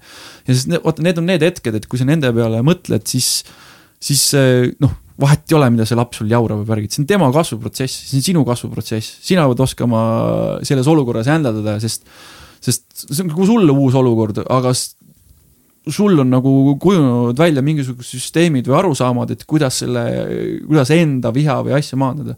temal tuleb see otse, straight, kui ta läheb närvi, siis ta paneb otse sulle, tal ei ole filtrit vahel, aga sina oskad neid asju nagu natukene maandada, välja tõmmata, on ju. et see on nagu see õppetund sulle ka ja noh, ma olen väga õnnelik, et mul siuksed toredad õpetajad on, nüüd kolm väga eriilmelist last, on ju, ja siis kallis kaasa ka. ja kellel telefon ei olnud kuskil. et, et see nagu selles mõttes tasub nagu täiega ära, et äh, vähemalt minu pool, et on ka neid inimesi, kes ütlevadki, et aga nagu tahavadki chill ida omaette vaikselt. ja mul on üks sõbranna, kes ütles konkreetselt, et äh, tema kunagi never ever lapsi ei taha ja nüüd eelmine aasta saime kokku, ütles, kuule, me siin vaikselt hakkame sind sättima ja, ja see on nagu lahe, aga muidugi noh, see värk ka, et kui, kui nagu nii-öelda lapsevanemaks saadakse, eriti kui on mingi noh, ma ei tea, esimene või teine laps on, on ju et siis, siis tasub nagu tähele panna, et ei tasu nagu nii-öelda, tihti nagu need teistel lapsevanematel on see värk, no tuleb siis kolmas ka ja millal nüüd plaanis on. Need jutud on tüütud, neid ei tasu rääkida, las need, need jäävad, on ju, et või eriti siis, kui naine on rase, on ju, et no millal siis tuleb ja kuidas siis kasvab, on ju, et et mõnikord noh, mul Katil oli viimane rasendus oli väga keeruline, on ju, siis tal oli nagu, nagu mis te tahate must, on ju. et äh, viis nagu stressi nagu peale, et siis las ta olla nagu oma protsessis, et küsida, et kuule, kas on okei okay,, kui ma su käest neid asju uurin, on ju, või et või et kas te olete nagu midagi, kas on okei okay,, kui ma uurin, et kas, et tal on mingi, kui suurt peret te soovite, midagi sellist, et et, et muidu ei tasu nagu jah, neid torkida, et see võib mõned inimesed stressi ajada, siis vahemärkus see ei lähe selle küsimusega kokku. väga hea, väga hea nõu on, seda peab teadma mm. -hmm. muidu just mõtled, et oo, et see on nagu super hea asi, millest rääkida, aga samas ta nagu peab iga päev sellega elama, eks ole, ja hakkama saama ja. aga tahaks teisest teemast rääkida, sinust noorena mm. -hmm. Oh-oh et ähm, nagu see pilt äh, mis sa võib-olla võid siin äh, podcast'is jätta endast ja ka läbi sinu blogi, mis tekib inimestele võib jätta sellise mulje, et sa oledki sündinud selliseks rõõmsaks, hoolivaks hipiks, kes on püüdlik. ta proovib elus eesmärke leida, sa kasvatad lapsi, proovite kõike seda kuidagi võimalikult hästi teha, et olla õnnelik mm. -hmm. siis tegelikult sa ei ole alati olnud selline vaimne inimene, kes on kohal. Sa olid hoopiski kaabakas. olin, pätt kuidas mis juhtus tegelikult ütleme niimoodi, et see äh, vaimne inimene, ma olin arvatavasti ikkagi lapsena okay.. ja, ja ütleme, teismelises eas ma kaotasin nagu selle ära, et, et, et, et nüüd ma olen nagu tagasi seal juurte juures. mis et, juhtus teismelisena? juhtus see asi, et ma olen pärit Kesk-Eestist, keset metsadit seal Koru kandist on ju, ja, ja ma elasin tõesti middle of nowhere. Ja, ja minu lapsepõlves oli tegelikult nii, et kuna mul vennad on kõik vanemad, siis nad olid kodunt läinud ja ma kasvasin ikkagi suures, suurest saadik üksipäini ma asun üksipäini ja, ja mul koduteed ja asjad olid hästi pikad ja värgid ja ja, ja siis, kui no esimeses klassis näiteks ma ei käinudki koolis, ma olin koduõppes, emaga õpetaja, siis sai tema õpetada. siis teises klassis, kui ma kooli läksin, siis ma ei osanud nagu nende lastega üldse suhelda. siis noh, oligi nagu, kui näiteks kats on mul klassiõde istub mul kõrval, siis ma küsin, et vabandage neiu, et aga teie pastakas kukkus maha, kas ma võin teile selle ulatada? Siis nad vaatasid, what the hell nagu, et mis tüüp sa oled, et see on mingi robot või kust sa tulnud oled, onju. aga ma olingi päris sihuke ja ma natukene kartsin seda kõike, et minu jaoks tundus see koeru, kus elab mingi, ma ei tea, kolmsada inimest, onju, tundus nagu New York, onju, mingisugune suur linn, kus oli liiga kiire kõik, liiga palju käramüra, onju, noh kui noh, tegelikult küla, eks ju. ja, ja siis ma olingi sedasi kuni seitsmenda klassini, alati kui ma tundi läksin, istusin sinna akna alla, et kui õpetaja mind klassi ette kutsub, siis ma saaksin sealt esimesel võimalusel välja hüpata. lihtsalt, et mul oli surmahirm sinna klassi ette minekut, mul polnud vahet, kas see on esimene korrus või kolmas korrus, ma lihtsalt olen konkreetselt valmis sealt lihtsalt välja hüppama. on see aken lahti või mitte, ma olen kasvõi läinud klaasidega, onju. et niisugune suur nagu hirm ja nüüd täna ma olen niisugune avatud inimene, on ju. Aga... miks sa kartsid sinna klassi ette minekut? tead, ma ei tea ise ka, aga muidugi kuidagi äkki teiste hinnang või, või vot see on see, et mulle üldse nagu kool ei meeldinud, et eh, ma ei ole siiamaani aru saanud, et mida paganat ma oma esimese kuue eluaastaga halvasti tegin, et mind ülejäänud kaksteist aastat taheti sedasi karistada oh.. et eh, noh mul oli nagu, ei olnud kooliga kõige paremini, sest ma ei olnud, ei ole niisugune süsteemi inimene võib-olla, et rohkem ongi niisugune ipikas, on ju. et mul ei olnud jah, aga noh, ühesõnaga seitsmendas klassis siis juhtus mingi niisugune lidakas, et ma hakkasin käima sugulastel külas Kadrinas. mul onulapsed elavad seal eh, siiamaani ja üks nendest ja teine kolis linna. aga onutütar sama nagu mina ja tema suhtles siukse noh mis me olime, mingi neliteist siuksed onju, ja tema suhtles juba vanemate poistega onju, siuke peod ja kärakas liikus ringi ja värgid onju ja onu kahjuks noh, surnud on ju, suri siis, kui lapsed olid seal, mina olin seitsmene on ju, see oli väga ülikool onu oli, samamoodi super paps on ju, nagu võib-olla äkki sealt geenid saanud. aga sealt siis nagu jälgisin neid inimesi ja vaatasin, et neil on täitsa suva on ju, et kus kohas nad mingi pidu panevad, laaberdavad või kellega nad seal jauravad või kellele molli panevad on ju ja värki ja ja siis tead, hakkasin sealt nagu seda julgust saama ja, ja sain ja sain ja sain nagu sihukest äh, litakat juurde ja siis, kui ma mäletan, ma läksin nagu sügisel kooli, seitsmendasse klassi või kaheksandasse äkki või, siis ma olin sihukene vend nagu, et fa-fa. et äh, rahulikult sihukene kõige pätim äkki seal klassis on ju ja, aga samas ma ei olnud ka nagu nii kõige hullem tegelane on ju, noh muidugi sigadusi sai tehtud, et koolikellasid Magraflexi täis lastud äh, olid korvpalliõpetajad, sorry selle eest ja, või, või siis mõni peldikupott kuskilt lahti kruvitud või, või siis no las nüüd ülejäänud asjad olla, et need kooliaknad ja asjad, et pärast oli ikkagi politseiga jamasid ja kõike siukest, et. mis jamad sul politseiga olnud on?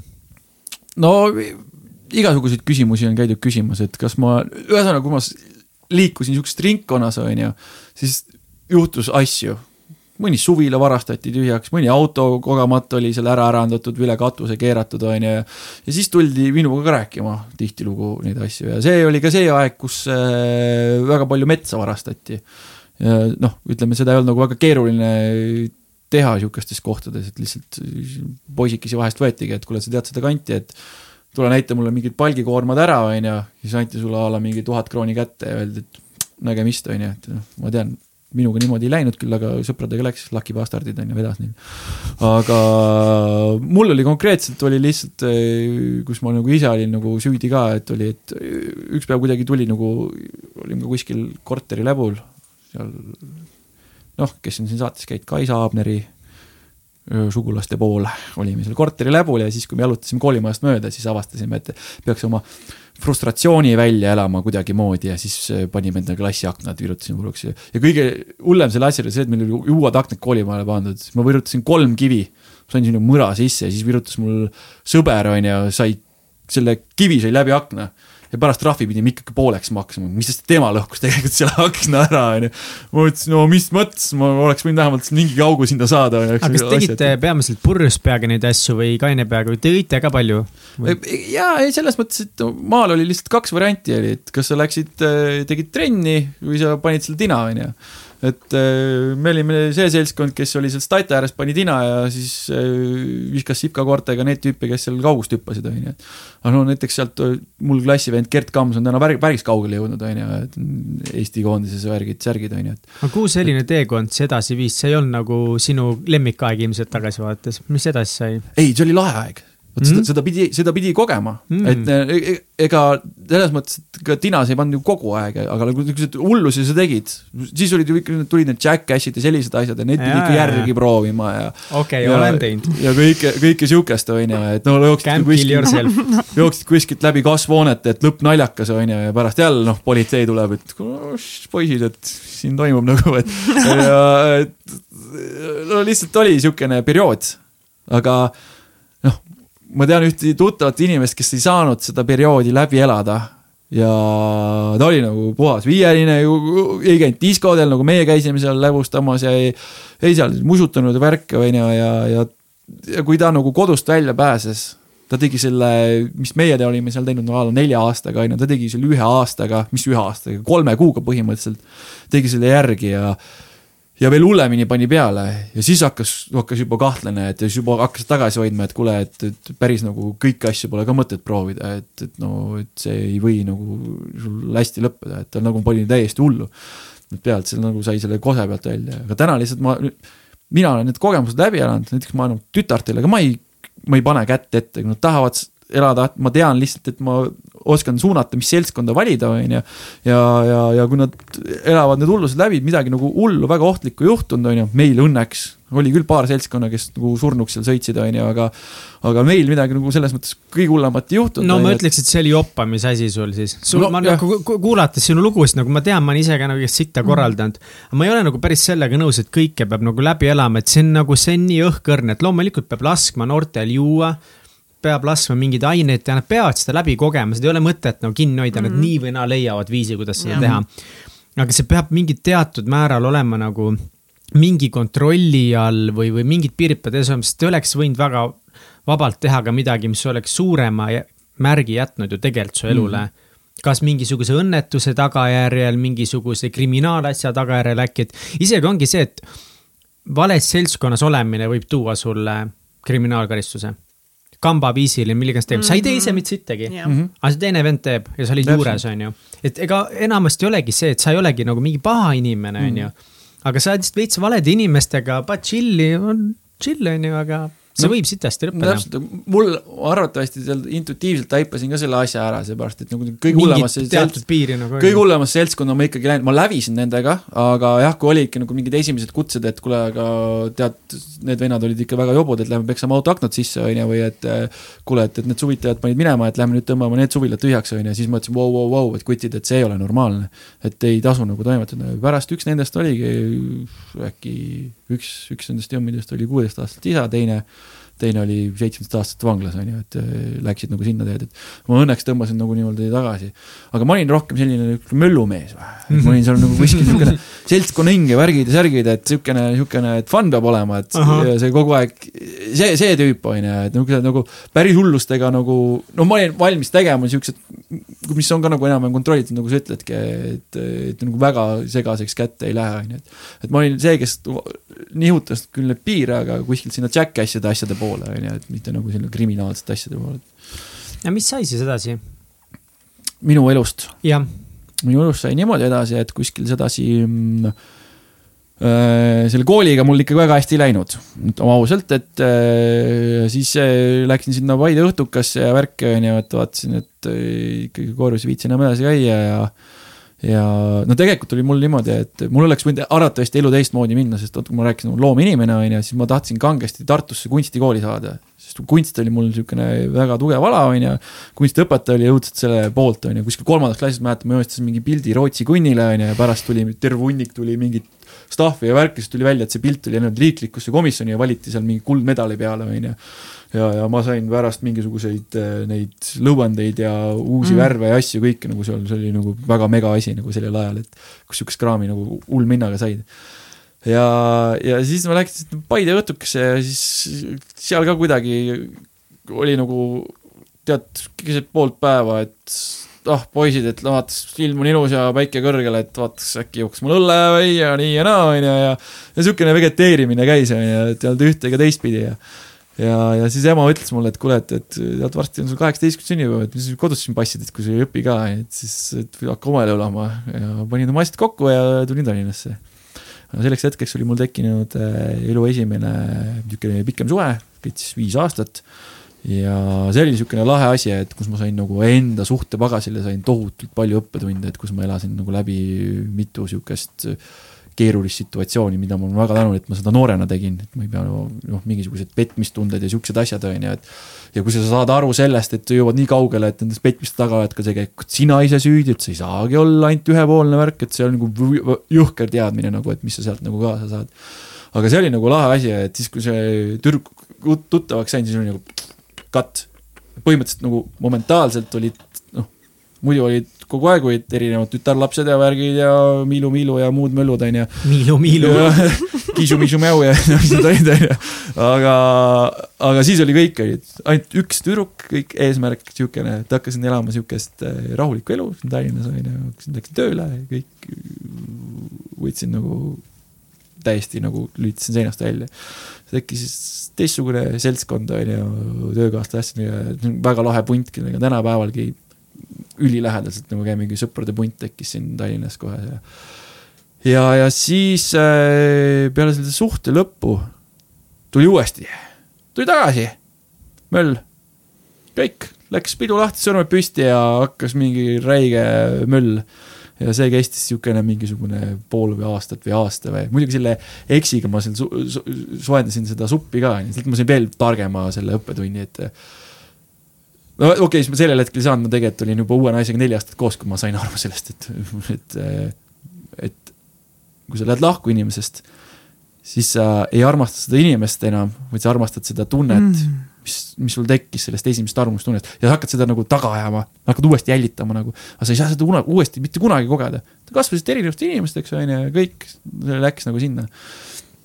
ja, ja siis äh, tuli mul äh, uus äh, kaasa neli aastat, kellega oli ka väga lahe, aga see oli nagu ülilahe selline suhe, et kui sa saad oma nagu lihtsalt ideaalse partneri nagu, kes on liiga ideaalne, siis see asi ka ei toimi.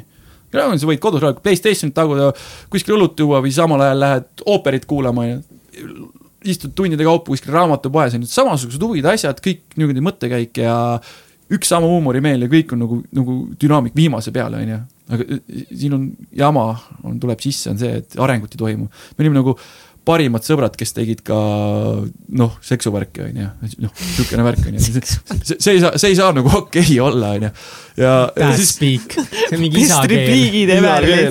ja, ja siis äh, siis oli niimoodi, et ma töötasin sellel ajal, töötasin ühes hulgilaos ja siis hakkas mul nagu esimest korda hakkas uuesti tagasi tulema, vaata see lapsepõlve mina et kus ma seal nagu töötasin ja nüüd ühed samad jorpad ümberringi, ühed samad jutud, kunagi päikest ei näinud, sama ladu, samad töö, saad selle lehe kätte teed sama ringi ja kõik asjad, onju. ja, ja siis mõtlesin ennast käsile, ütlesin, et okei okay,, et ma tahan siit nagu nii-öelda väljas, ma olin räiges depressioonis mingi, ma ei teadnud ise, mis asi depressioon ongi, et no nüüd ma sain aru, et, et see on depressioon, onju, hiljem ja läksin, äh, võtsin ennast käsile, läksin Tallinna Vanalinna gümnaasiumisse.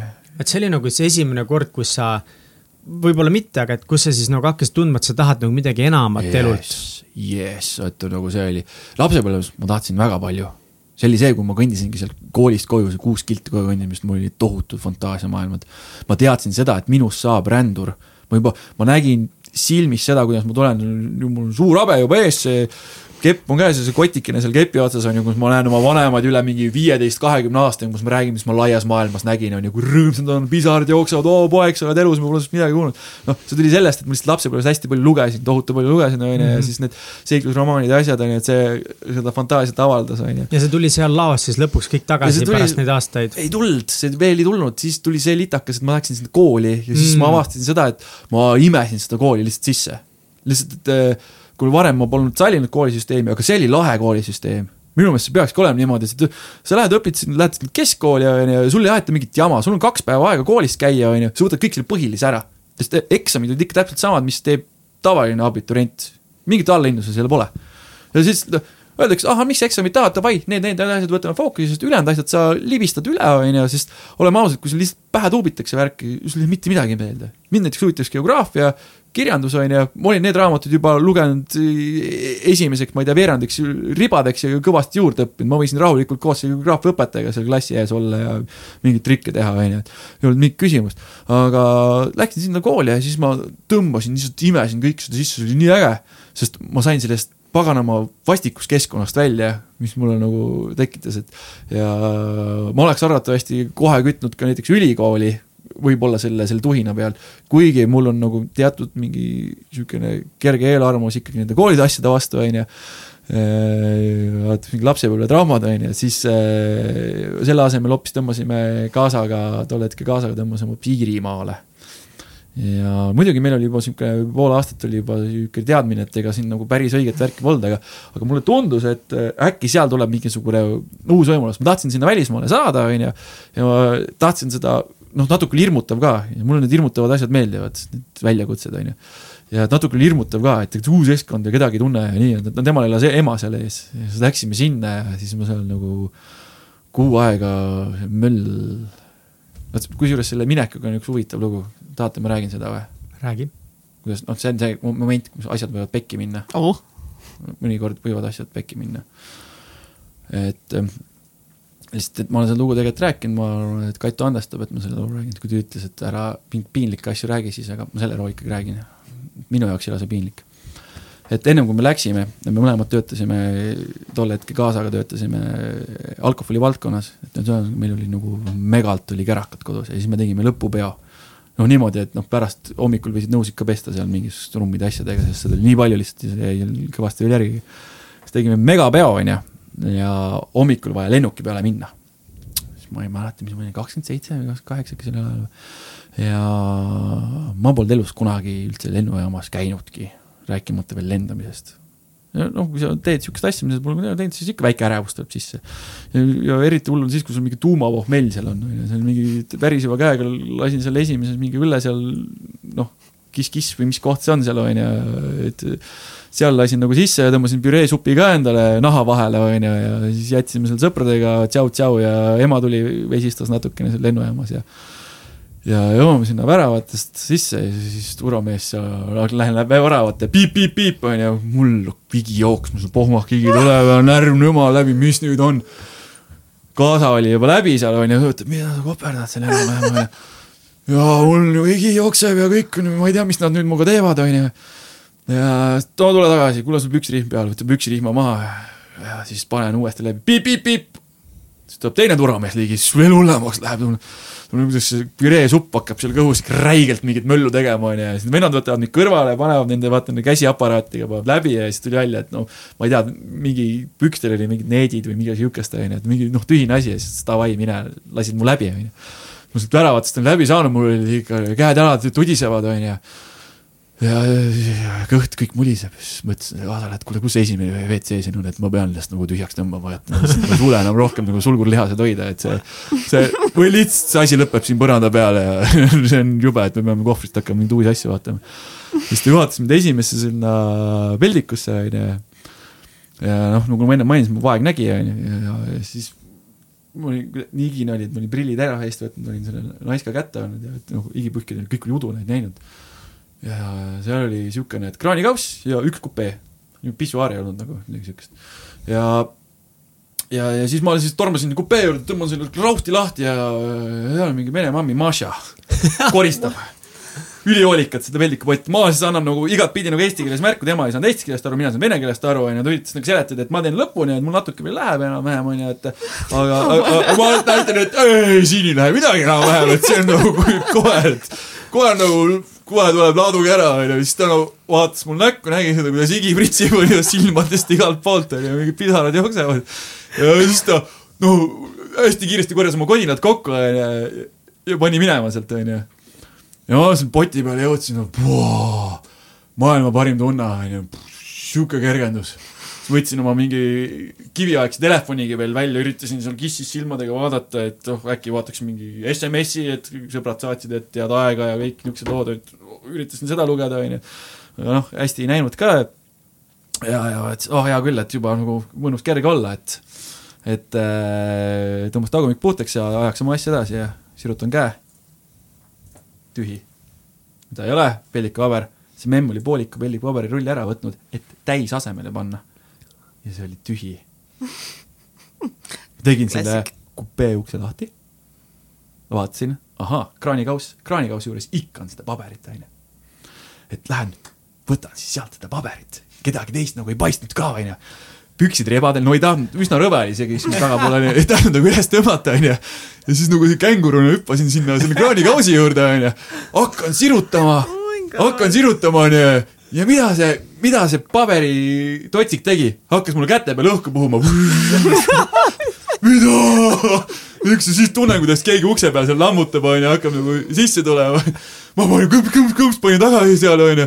sama igilahm, ma panin, tunnen, et nüüd tuleb uus laar, onju, lasin selle ka sinna ära, onju, täiesti tühjaks, mis vähegi võimalik on. ja siis nuputasin, et okei okay siukse, siukse olekuga mind ükski tüüp nagu üksteist juurde mingi lennukisse ei lase, lihtsalt mingi konkreetselt mingi tüüp haiseb, onju, et mingi, mingi tagumise, tagumise jama järgi ja ei jäänud midagi muud üle kui ma pidin ohverdama oma õnnetoovad trussikud sest mul olid, mul olid õnnetoovad trussikud, kus mul alati elus oli mingi hästi asi läinud, käisin kuskil eksamil või mingid töövestlusel, need, need trussikud olid, mida ma iga päev ei kandnud ja olid jalas, onju.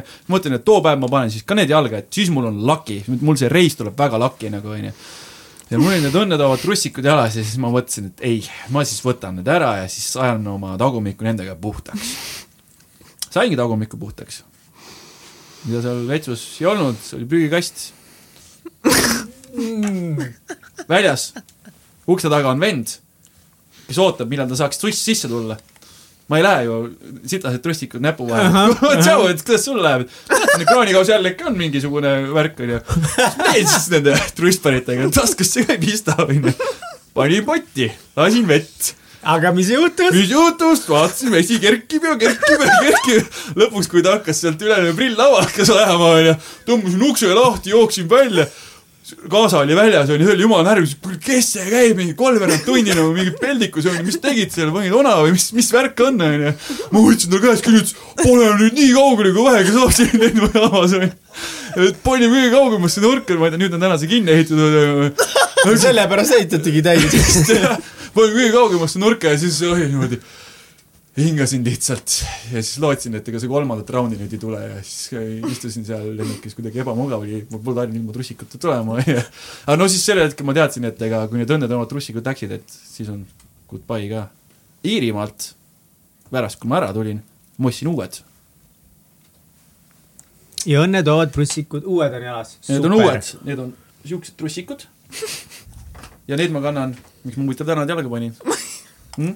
Ka täiesti. et sa saaksid vetsu minna ja selle ära ummistada siis ma tean, et siis hakkab pekki minema, siis on jälle see oh moment oh. aga jah, siis ma tulin äh, Iirimaalt tulin tagasi äh,. ma ei olnud seal väga pikalt, äkki mingi kuu, ma tegin vahemaandamisega Londonisse, mul paar sõbrannat elab seal ja, ja vaatasin, et äkki alustaks seal uut elu ja tegelikult mul hakkaski kuidagi looma seal kahe nädalaga juba ja niisugune töökoha variant tekkis ja leidsid, sõbrad andsid mulle korteri ja kõik, noh, hästi toetatud nagu ja pere oli nõus igast pappi juurde saatma, kui vaja on ja aga no tead, see lahkuminek ja sihuke tühi tunne nagu sees ja tahtsin nagu neid lähedasi näha kangesti, et see, see London ei olnud nagu minu teema ka, et noh, metsade vahelt tulnud mm. -hmm. Iirimaa ei olnud minu teema, sest polnud ühtegi puud, passin seal põllu peal, onju.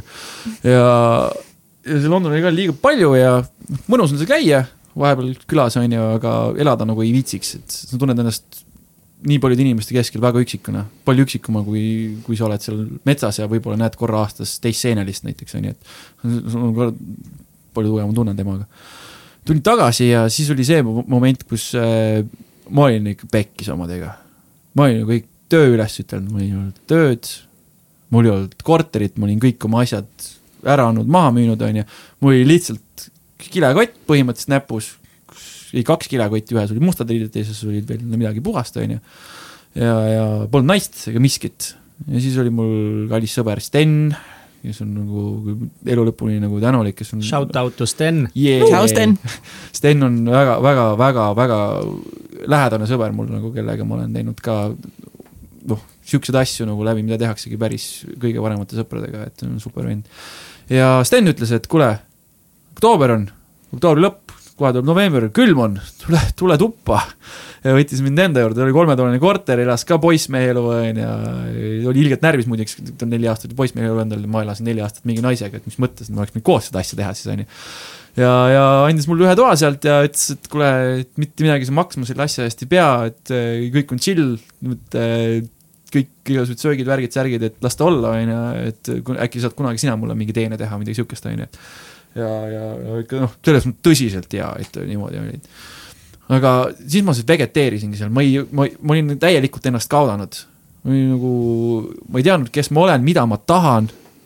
kutsuti mind too moment, ma käisin mingit Rootsi kruiisil, kohtasin lahedat tšikki, kutsuti mind vaata Ameerikas raamatut müüma mm. -hmm. sest noh, öeldi, et kuule, sa oled lahe vend, on ju, sul nagu juttu, asju jookseb, on ju, et müügivend, tule juba käisingi temaga mingil vestlusel ja, ja, ja aga siis vaatasin, et ma ei viitsi seda ka teha ja kõik oli nagu, kõik oli nagu jama ja must ja masendav ja ja ei, ei, ei olnud niisugust tunnet ja, ja siis õhtud nagu möödusid niimoodi, et sa sõid mingi ära mingi kaks mingi krõpsupakki enam-vähem ja jõid mingi kaks six-pack'i õlut ja, ja. ja kusjuures no. selline elu on nagu, ma nagu tahaks öelda kahjuks pean tunnistama, väga paljudel nagu Eesti meestel, võib-olla ka naistel, ma tean selliseid inimesi, kelle elu nagu täna ongi selline. ja kui mõelda nagu see, kes sa täna oled, milline sa oled, ma nagu, mul on nii raske uskuda mõnes mõttes, et sul sihuke background story on, siis mulle nagu tundub, et sa oled nagu sündinud selleks säravaks nagu. ja positiivseks ja eeskujulikuks isaks ja, ja, ja. mis see nagu see peamine, lõpuks see peamine sild oli sinu jaoks, mis sind tõi sellesse kohta, kus sa täna oled? Minu jaoks oli nagu nendest tähtpäevadest rääkisime, onju, siis kui jõulude ajal juhtus see asi, et ma nagu nägin, et ma tahan seda pere, onju, saada, onju, siis tollel aastal oli, veetsime, su sõber oli naise saanud sellel hetkel ja veetsime koos sõprusringkonnaga, veetsime äh, uusaasta Naiska kuskil vanaisa kodus, onju. ja ka middle of nowhere kuskil põldude vahel. ja siis samal õhtul üks teine sõber teatas, et kuule, oli esimene meie seltskonnas, kes ütles, et kuule, et meil on nüüd väikseid uudiseid ka, et beebi on kõhus. ja siis, kui ma nägin kõiki neid paare, kõik olid paarid, on ju, ja minul oli esimest korda üldse, kus ma olin nagu nii-öelda üle mitme oh,, esimene vist üheksa, kümne aasta, on ju, olin nagu vallaline nagu e, uusaasta ööl.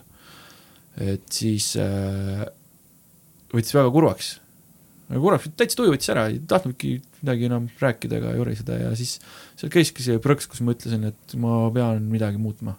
ma nüüd, nüüd ma pean muutma ja ma tahan midagi kardinaalselt muuta. ja noh, läks veel kuu aega mööda, ma kaalusin, vähem kui kuu aega, ma kaalusin mingi a la mingi sada kaks, sada kolm kilo, on ju, sihuke pontsu hamster, on ju. väga endast ei hoolinud, mingi siukene noh kolm päeva habe oli kogu aeg või, või siis nagu siuksed riided, mis savi, mis seljas on, on ju, ja. ja siis ma vaatasin, et okei okay,, et, et ma pean toitumist muutma. et ma pean toitumist muutma, et kui ma teisi asju ei suuda muuta, on ju, et vähemalt selle asja ma nagu ühe asja võtan esialgu käsile, on ju. ja, ja ma tahan seda teha niimoodi, et see oleks nagu pauguga, et kardinaalselt ikka, et nagu tuleks ikka kohe niisuguse šokiga, et oleks asi korras ja siis ma mõtlesin, et kuule, et ma pean seda taimetoitlust hakkama proovima. ja sama kuu, eh, jaanuarikuu, eh, Kaitu ühine sõbrants, eh, no lapsepõlvesõbrants, elab ka siin laagris, on ju. tema sünnipäev, kakskümmend viis jaanuar, ma võiman, sama päev, on ju. kutsuti sinna, ma tulin kuskilt juhutöölt, kuskilt Lõuna-Eestilt, Eestist äh,, mul olid mingid poolest saadik, no enam-vähem puhtad tööroobad seljas, on ju ütles, ma ei viitsi kuskil olla, ma lähen sinnasamasse Steni korterisse ja kassin seal, on ju, ja asi korras, on ju. ei, ei tule, tule, et ma ütlesin, mul ei ole raha ka ja kõik, et mis, teeme seal, mingi vesipiibupaaris onju, et no tule, astu läbi, et Illikas, et no teeme sulle kasvõi välja või no tõmbame tuju üles onju, et okei okay,, davai, eks ma siis tulen, lasin ennast kuskil kesklinnast mm -hmm. maha mhm. panna onju, sama mustad riiete kotti enam õla peale. ja siis pastisin seal selles vesipiibupaari kuskil taganurgas, kassisin onju ja siis äh, vaatasin, no huvitav, uuem seltskond oli seal kuidagi tekkinud onju, enamus inimesi tundsin onju ja siis ma nägin seda katut esimest korda. ja siis vaatasin neid suuri siniseid silmi.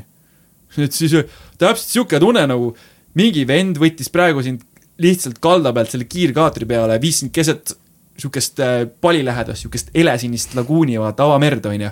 ja siis viskas sind sinna puh, keset seda merd ilma igasuguste päästerõngate asjadega, siis ma uppusin seal nagu nii-öelda sees.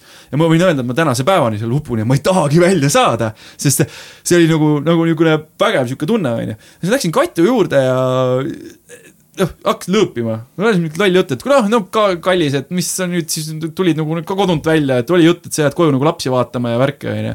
ja see paganama tšikk nagu lõppes kaasa aa, tegite nagu nalja? tegime nalja, esimest korda nägime, meil polnud kunagi kohtunud mm, -hmm. ühe korra, ühe või kaks korda me olime kohtunud no,, aga mina okay. ei mäletanud seda. Katu ütles, ta mäletas seda ja ja tuli kaasa selle naljaga? ja tuli kaasa ja siis me panimegi selle, noh, kuna tal oli vist ka mingi siukene igav moment onju, siis panime, lõõpisime selle laste teemal nagu päris pikalt, ilma aru saamata, kui suur jõud võis olla sõnadel. ja mis hakkab juhtuma nüüd mingisugune aasta pärast või pooleteist aasta pärast, kus meil esimene laps sünnib, et meil ei läinud väga palju aega, kui Katu jäi rasedaks, me olime a la mingisugune pool aastat suhtes olnud, on ju, et kui juba nagu need asjad toimusid, aga noh, kui sa usaldad elu ja kui sa näed seda, et see on tõeline rännakukaaslane, siis on äge, aga mis seal nagu Katu puhul välja tuli, oli see, et tuli välja, et oli lõpetanud Anneli Sootsi või käis sel hetkel Anneli Sootsi toitumiskoolis.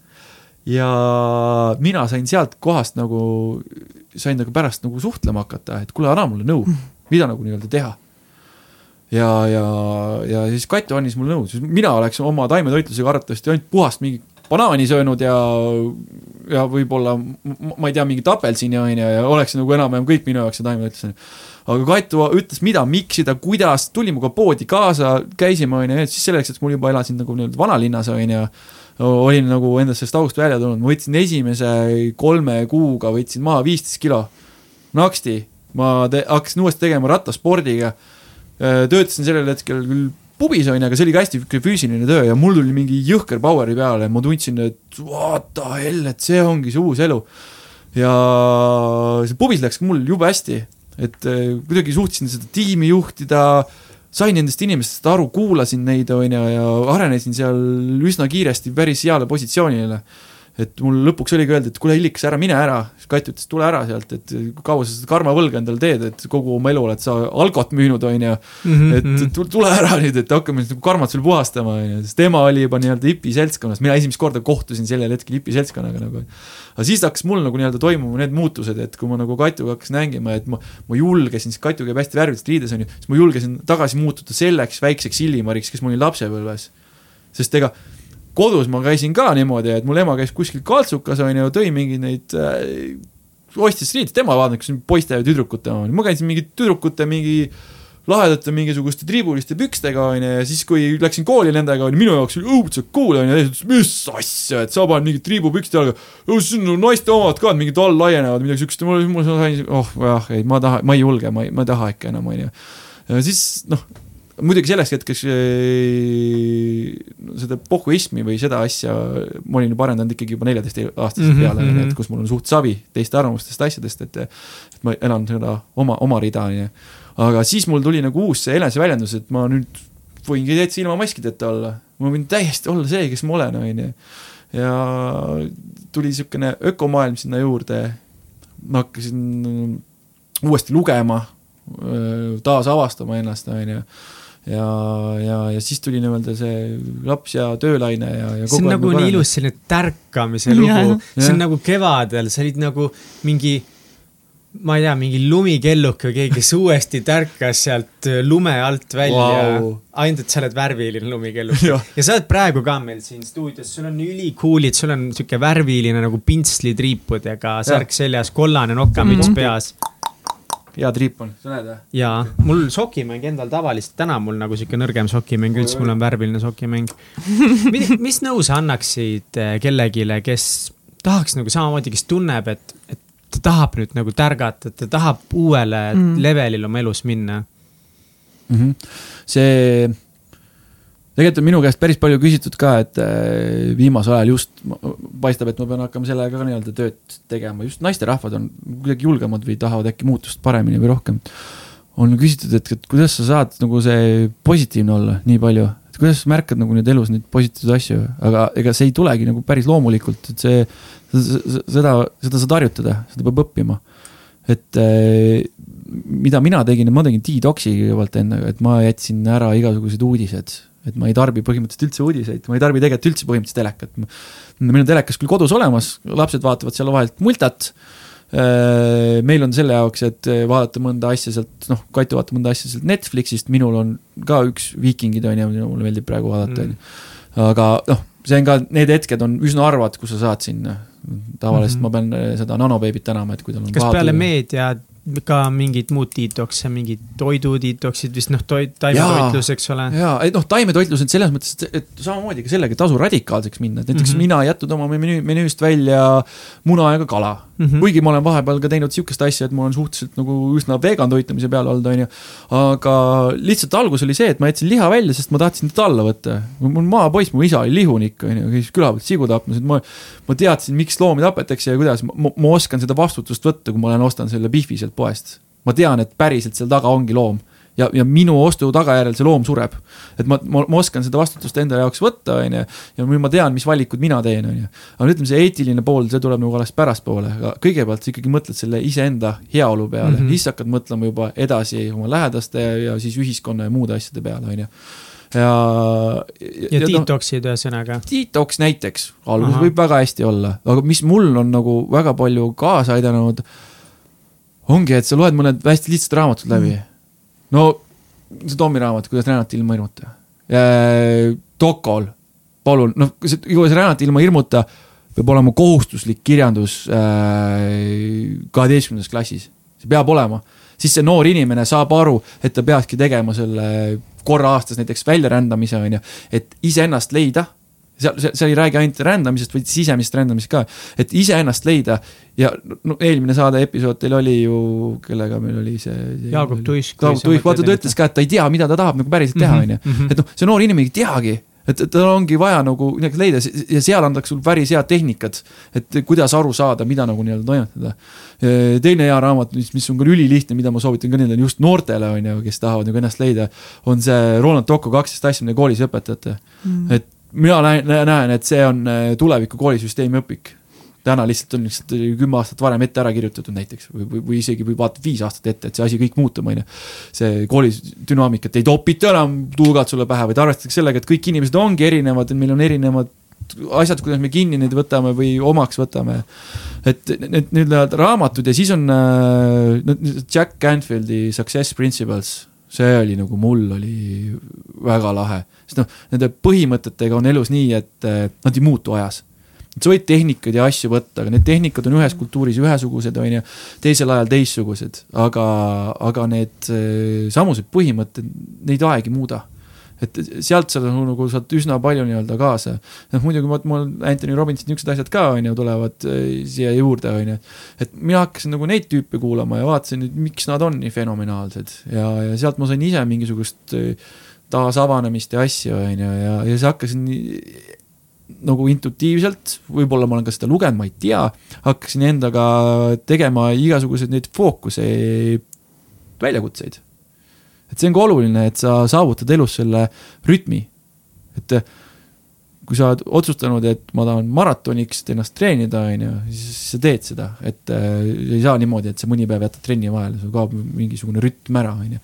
et ma noh, ma ei tea, et hakkad, aju hakkab leidma, et kuidas sa nagu, hakkab vabandusi otsima, ma mäletan Jan Uuspõld, kes kunagi siinsamas lähedal elas, ütles, et ta iga jumala päev jalutas siin äh, Pässa või see metsas on ju, Harku metsas ja, ja, ja, ja mõni päev jättis jalutamise vahele ja jube raske tagasi sellele teele tulla. et mm -hmm. parem on rongilt maha hüppad, siis ja. rongi peale saada enam. Saad... rong sõidab nii kiiresti. või satud pärast valesse vagunisse, kui tagasi hüppad uh,. sa satud võib-olla vale rongi peale üldse. jaa, täiesti vale. ära hüppa oma rongi pealt ära. me ise oleme seda katsegi nii palju teinud, me hüppame kogu aeg selle rongi pealt maha sest no ei jõua rongist kinni hoida kuidagi no, ja siis jah, seda rongi taga ajada. siin ongi, et kui sa näiteks kasvõi need väljakutsed teedki endaga, et äh, need juhtuvad pärast iseenesest minul, äh, mis ma tegin, oli see, et äh, ma keerasin, noh, Egertil on siin vinged need äh, objektiivid, on ju. Shout Ka... out to Egert. Jou-jou, Egert. vahepeal nukid, õhunukk, õhunukk, lahe plahvatusega. et see on see, et kui sa lähed peole, on ju, ja sul on see objektiiv seal ees, siis on sul valikuvariant, on ju, kas sa vaatad objektiiviga seal negatiivseid asju või positiivseid asju. siis kui sa hakkad märkama positiivseid asju enda elus, teadlikult, mina näiteks paningi iga hommiku äh, kirja. Kolm asja, mille pärast ma olen tänulik. ma tegin seda ka mingisugune kolm-neli kuud, iga jumala hommiku. Ja, ja ma ei, ma ei tahtnud ka neid nagu korrata, onju. Alguses sa oled tänulik sellepärast, et mul on kodu ja niisugused lihtsad asjad, on ju, et nii lahe, et mul on töö ja kõik noh, ninnu-nännu, on ju. aga üks moment sa avastad, et sul on nüüd, nüüd need nagu lihtsad asjad otsas siis sa avastad, et ülilahe on, et ma kõnnin näiteks asfaldi peal. siin ei olegi muda, kui ma väike olin, siis ma käisin kogu aeg muda sees, on ju, mul mingi jalad täiesti mer-, mul on nüüd asfalt. või näiteks see, see, kui ma läksin ühele kohtumisele ja see auto pritsis mind üleni märjaks, mul ülikond seljas, eks ju, ärikohtumine. ja mul oli valikuvariant, kas ma nüüd vihastan või, või ma võtan siit mingi uue kogemuse, on ju. ma, ma olin nagu jumala happy, on ju, mõttes nagu nii äge, on ju, et ma saan mingi story nüüd siia sellest, on ju, et mida ma näiteks täna saan rääkida. et ma, otsustasin. kohe hea jääd murda kohtumisel. jah, et kuule, näed, tulen siin jumala nagu niisugune vend on ju ja, ja, ja, ja, ja sa saad ise seda nagu hakata disainima, seda, seda, seda positiivsust, seda uut iseennast, enda energiat. sest ega sul ei ole, mulle ei meeldi need inimesed, kes virisevad ja ise midagi ei muuda, sest sa oled ise see muutus, mida sa maailmas tahad näha sina oledki see enda universum, enda jumal mm., enda sees, on ju. ja, ja, ja see algus tundub nii hoomamatu, et kuidasmoodi mina saan seda maailma muuta, et ikka see keskkond ja kõik asjad mind mõjutavad, on ju. aga näita keskmist sõrme selle keskkonnale ma sellesama mõttega nagu hakkaks seda asjasid kokku tõmbama, mis läheb väga hästi tegelikult kokku me eelmise episoodiga, et me saamegi ise disainida ennast ja nagu ütles Jaagup Tuss täpselt samamoodi, shout out tuisupoisile siin kohe et äh, ei saa jääda ootusi, ei saa jääda ootama neid asju, mis sinuga juhtuksid, vaid sa pead minema püüdma, sa pead tegema neid challenge eid, mida Illimar teeb mm, -hmm. tehke neid. sa pead tööd panema sinna sisse. aga tead, mis aeg nüüd on? ma, Koogi. kas, kas sul on veel mingit küsimust, tahad küsida enne, kui meil see aeg on? kui meil see aeg on või? võib-olla ühe, ühe, ühe teema korra lihtsalt äh, puudutame. ma ütlen Kats vahemärkusena seda, et viimastes episoodides sinu need lõpuküsimused on puhas kuld olnud Need on nagu, need on tõesti nagu, ma saan aru, Mihkel nagu on, on lasknud sul õnneks seda teha, onju. aga need on nagu väga ägedad, eriti see tšikk, kes seda ka maailma päästab. ja Evelin Veermets. Evelin Veermets, nagu seal oli nagu, see, selline ulme naine nagu, nii noor ja ta teeb siukseid asju nagu võimas värk. Mihkel okay. näitab mulle kellaga, et eh, ma teeks nüüd ruttu. Eh, okei okay,, tegelikult mul on kaks asja, kui ma enne ütlesin, et mul üks teema kaks, et eh, millised on praegu sinu elus mingid asjad, milles sa ise arened või milles sa tahad areneda ja paremaks saada mm? -hmm. no number üks asi ongi see äh, isaduse tee. et äh, seal on nagu õppida väga palju kogu aeg ja, ja seda ei saagi nagu, selle kohta ei saagi õpikut kirjutada, sellepärast et iga laps ongi erinev, iga pere on erinev, see, dünaamika on erinev. et siin ongi see asi, et kui sa pead ise õppima ja vaatama teiste pealt ja saada, et see on see üks koht, kus ma tahan areneda ja teine koht, mis ma nüüd alles eile avastasin, mida ma tahan raskelt edasi uurida, puurida, on äh, oh. ilma seemnepursketa seks. ja samal ajal orgasmi saamine uh!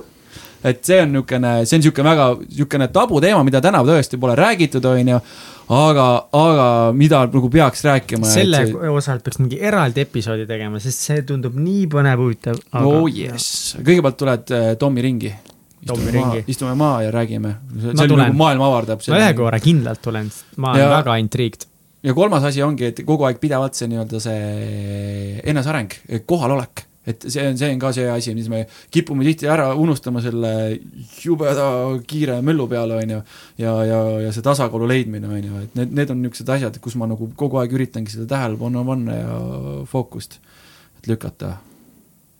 jah, et noh, sinna hulka lihtsalt kuuluvadki kõik need ettevõtlusareng ja, ja see, et ma tahan olla näiteks, ma ei tea, mingi moment finantsiliselt vaba, on ju, ja, ja kõik siuksed lood Ku, ma usun, et kõik on võimalik. kui eh, sa saaksid valida ühe asja, mis on sinu elu kõige rohkem muutnud viimaste aastate jooksul, siis mis see üks asi võiks olla, mida sa soovitaksid ka teistele, et või äkki sellest nagu alustada, et võib-olla ei tasu nagu võtta endale kohe mingi sadat eesmärki, ma nüüd hakkan kõike muutma mm, -hmm. vaid mis oleks nagu see üks asi, mis ma võiksin täna muuta, mis on ka näiteks sind kõige rohkem aidanud edasi? no mind, mind selles mõttes muutis kõige rohkem konkreetselt mind, on ju. laps, esimese lapse saamine, see oli rets aga kui sa nüüd, ma saan aru, mida sa silmas pead, on ju. et kus see nagu nii-öelda see soft muutus või, või, või, või kus kohas see asi hakkab arenema. minu meelest on oluline vist kõige esimene asi, mis mina teeksin täna nüüd, mida ma te tean, et mis mind nagu aitas, on keskkonnavahetus. et see ongi see, et kui sa, kui sa tunned, et sa oledki see vend näiteks, kes iga õhtu lähebki sinna teleka ette ja sööb krõpsu ja joob seal õlut ja siis nagu tuimestab ennast ära, et ei, ta ei tahagi nagu noh, elu näha, on ju, et siis, siis võib-olla sa ei saagi sealt nagu nii-öelda välja. aga kui sa parajasti oled selles momendis, kui sa tahad nagu seda muutust oma elus saada, siis eh, ilm, ilmselgelt sa oled praegu korranud mingisuguseid asju, pidevalt neid samu asju ja need ei toimi, sa pead midagi uut proovima ja, ja mina näiteks vahetasin lihtsalt keskkonda, mul tuli see uus seltskond nii-öelda, need, need hipid ja siuksed tegelased juurde, mis avaldas mul maailma. või üldse ma muutsin nagu nii-öelda, no täna ma muudan ka sõprade suhtumist, et äh, ärme virise, vaid näeme lahendusi mm. -hmm. teeme mingeid asju paremaks, et oleme ise need muutused, on ju. et äh, mul nagu see teatud sõprade ringkond ka muutus mingi moment ja siis hakkad sina ka läbi selle muutuma. noh, öeldakse ju, et sa oled see, kes on sinu viis lähimat inimest, on ju. mul on täna neli naist kodus, üsna naiselik sul on need üks väljakutse ka veel praegu käimas, milleks on terve paps Yes, yes. yes. et lisaks sellele, et sa oled eh, eeskujulik isa ja tegeled oma lastega hästi palju, näed sa ka vaeva nüüd selle nimel, et, eh, et sa oleksid siis enda lastele ka väga kaua olemas isana, ma saan aru õigesti? just, just no tegelikult selle äh, väljakutse eesmärk oligi see, et kui mina vaatasin oma lapsi. ma tahan näha neid kahekümne aastaselt, kolmekümne aastaselt, ma tahan näha neid elutervelt rõõmsana, tervislikudena, on ju minu nihuke egoistlik soov, ma tahan näha, näha, et nad on need, kes on uudishimulik, tahavad nagu maailma avastada, on ju. ja, ja mida ma näen, on täna see, et nad võtavad minu käest nagu käsnad ja ma avastasin, et noh, ma mõtlesin, ma olin suvel ennast nagu lõdvaks lasknud, on ju, ei olnud mingit asja teinud. ja kaalusin jälle mingisugune ka mingisugune üheksakümmend kolm kilo, nüüd täna olen nagu kaheksakümmend viis kilo juba palju parem poiss, eks ju, et ma hakkasin seda väljakutset tegema. et äh, ma nägin seda, et see eeskuju, kes ma praegu olen, see isa, selle isana ma ei saa neid lapsi. et ma tean, et nemad nagunii teevad selle oma valikud ja otsused lõppkokkuvõttes, aga ma saan seda vundamenti laduda ja, ja see väljakutse teine eesmärk on ka see, et ma, ma tahan näidata lihtsalt teistele isadele, et see on võimalik. see on, see on võimalik, et äh, võtad e-, ennast käsile ja muudad selle pere või selle lapse mustrit. ja, ja pärast on kõik väga tänulik, terve see ühiskond on väga tänulik. me oleme kõik palju tervemad ja mõnusamad, et mul on niisugune wow, suur plaan muuta Eesti toredamaks kohaks uh,. Very nice no nii aga aeg on küsida Illimarilt mõned välkküsimused. Äh, seda teemat me natukese puudutasime, aga saad nüüd uuesti särada. kas sul on olulisi rutiine või harjumusi, mida sa teed igapäevaselt või iganädalaselt mm,? no pesen hambaid jah aga, aga jah, ma rääkisin, et äh, põhimõtteliselt äh, ikkagi, et hommikul kõik need, see kuidas seda nimetatakse, see Miracle Morning? Miracle Morning, yes. Miracle Morning, et see, see power hour on minu jaoks nagu väga hästi toimib, ma tean, et osad inimesed ei ole hommikuinimesed. et need on need harjumused, et mis ma teen ja no, muidugi on üks harjumus veel, mida ma soovitan kõikidele pereinimestele, kellel on lapsed. Äh, tegelege vähemalt tund aega, kvaliteetaega, pühendage iga päev oma lastele. võtke see aeg, tund aega, rohkem ei olegi vaja. see on niisugune harjumus milles sa väga hea ei ole? mina. sina jah? ma valmistasin neid, ma tean teie saadet, mul praktiliselt kolm episoodi on kuulamata äkki ja siis nüüd, nüüd nagu läheb meelest ära sihuke asi, siis küsid. okei okay,, ma tean. kas minult on küsimus ma tean, ma tean, milles ma väga hea ei ole, täna on näiteks ballett on ju, ooper on väga kehva, kehvas seisus mul mm., pole harjutanud mm.. aga kui sa, kui sa nagu mõtled seda, et mida ma nagu enda elus nagu pole hästi saanud hakka, millega pole hakkama saanud, siis mul on paar asja küll, on, üks on nagu tähtpäevad, nendega nagu väga kehvasti. no see aasta naistepäeval oli nagu keeruline lugu, kui jalutasin koju ja siis vaatasin, et kuidagi kahtlane on, et need mehed kõnnivad siin lilledega juba kolmas ja neljas mees ja siis, kui ma rongi pealt maha olin astunud ja siis juba peaaegu koduvärava, siis vaatasin, äkki vist peaks minema, siis, siis Kati helistab, kus sa oled, et nii kauaks jäänud. okei okay,, läksin tuppa ja, ja siis ma nägin neid nägusid, et vau wow,, sihuke vend oledki, lihtsalt naistepäev, siis too lilli. ja see oli nagu väga kehva, väga kehva asi, mida võid teha. ja, ja nende tähtpäevadega on, on nagu mul keerulised lood meeles pidada. selles ma ei ole hea. sa automated reminder itest oled kuulnud, jah? Need võivad päästa su elu wow.. mul on Mm. Ja võta oma kalendris igal pool on nagu pane. naistepäev. reminder'id. laste sünnipäev. pane reminder'id endale, ma soovitan. kusjuures see hetk oligi see, et ma olin, mul oli vist mingi Google'it midagi siukest vahet, mul oli päris konkreetselt oligi see on, see on hea värk, et ma olen neid kasutanud ka, aga Google kalendriga vist ma olin midagi teinud, töökoha vahetusega midagi siukest ja seal oli päris palju asju mul kaduma läinud, et osad sõprade sünnipäevad ja kõik olid läinud. mille üle sa oled kõige uhkem oma elus? Mille üle mina olen kõige uhkem oma elus, oma tütart üle. ma olen ikka, ikka väga uhke, see teeb mind ikka uh,, ei mahu sisse ära, see uhkus. ja ma olen uhke ka selle üle, et, et, ma olen võtnud seda julgust no,. Jesper oma ühes raamatus kirjutab sellest, muideks ma soovitan neid raamatuid ka, meesraamatuid lugeda. mitte, et ainult naised neid loeksid, et palun lugege mehed ka kirjut-, kirjutab seal raamatus, et igal meil on õla peal, on ühe õla peal on hiirekene, teise õla peal on lõvi. ja siis, kui ma olen seisanud mingi otsuse lävel, on ju, siis see hiirek ütleb, et kuule, kuule, et tead, Mihkel, et ma ei tea, kas sul on mõtet näiteks hakata selle ettevõtlusega tegelema, et see on suht riski business, see võtab sul väga-väga palju aega. lõvi ütleb, et kuule, mees, mida sa passid, et sul on power sees, sa teed ära selle, sa usaldad elu, sa lähed, on ju, möllad, on ju. ja siis sa seal oled seal kahe vahel, väga paljud meist kümnel korral üheksast kuulavad seda hiirekest ja siis neil jääb nii palju elus elamata, nii palju proovimata. vahepeal ongi vaja fail ida, siis noh, tulevadki need võidud palju magusamad, on ju.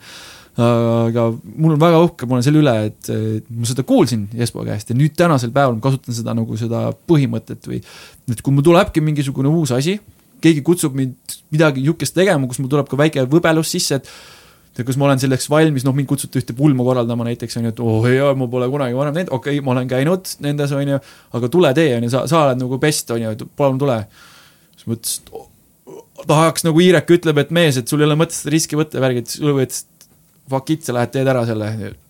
ütlesin, okei okay,, davai, accept on ju, teeme, et selle üle ma olen uhke, et eh, ma kuulan Lõvi. Nice mis on kõige pöörasem asi, mis sa elus teinud oled ja kas sa teeksid seda uuesti? Ei teeks nii, mis see oli uh,?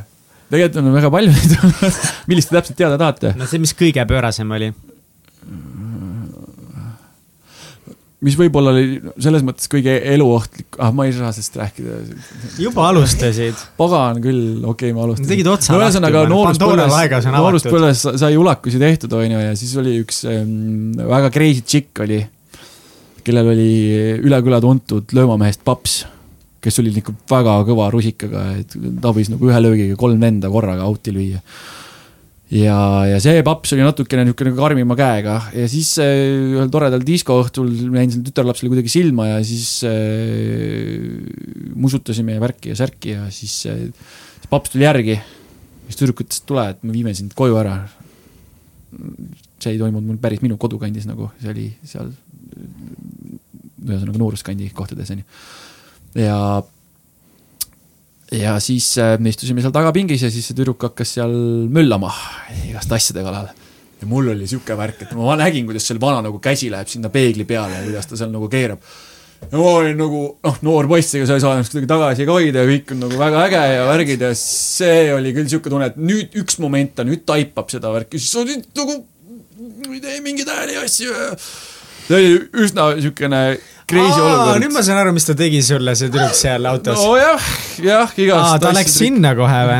no ühesõnaga jaa. see võis nagu, hirmus olla. ta võis nagu, võttis väga crazy, aga mina, mina ainult nägin sellel hetkel seda, kuidas lihtsalt see rusikas sealt tulebki, kus auto nüüd kohe kinni pidurdatakse ja, ja. selle asemel, et hoida tüdruku käest silmsidet, siis sinu silmside oli kuskil mujal. ma vaatasin seda isa vaatasin, tema vaatas mind ka niimoodi silmadesse ja vaat seda ma. põnev kogemus. aga, aga samas ma ei saa väita, et see on kõige pöörasem asi, mis ma oma elus olen teinud, lihtsalt see on niisugune.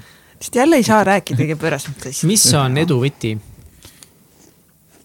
edu võti on äh, väga lihtne. usalda.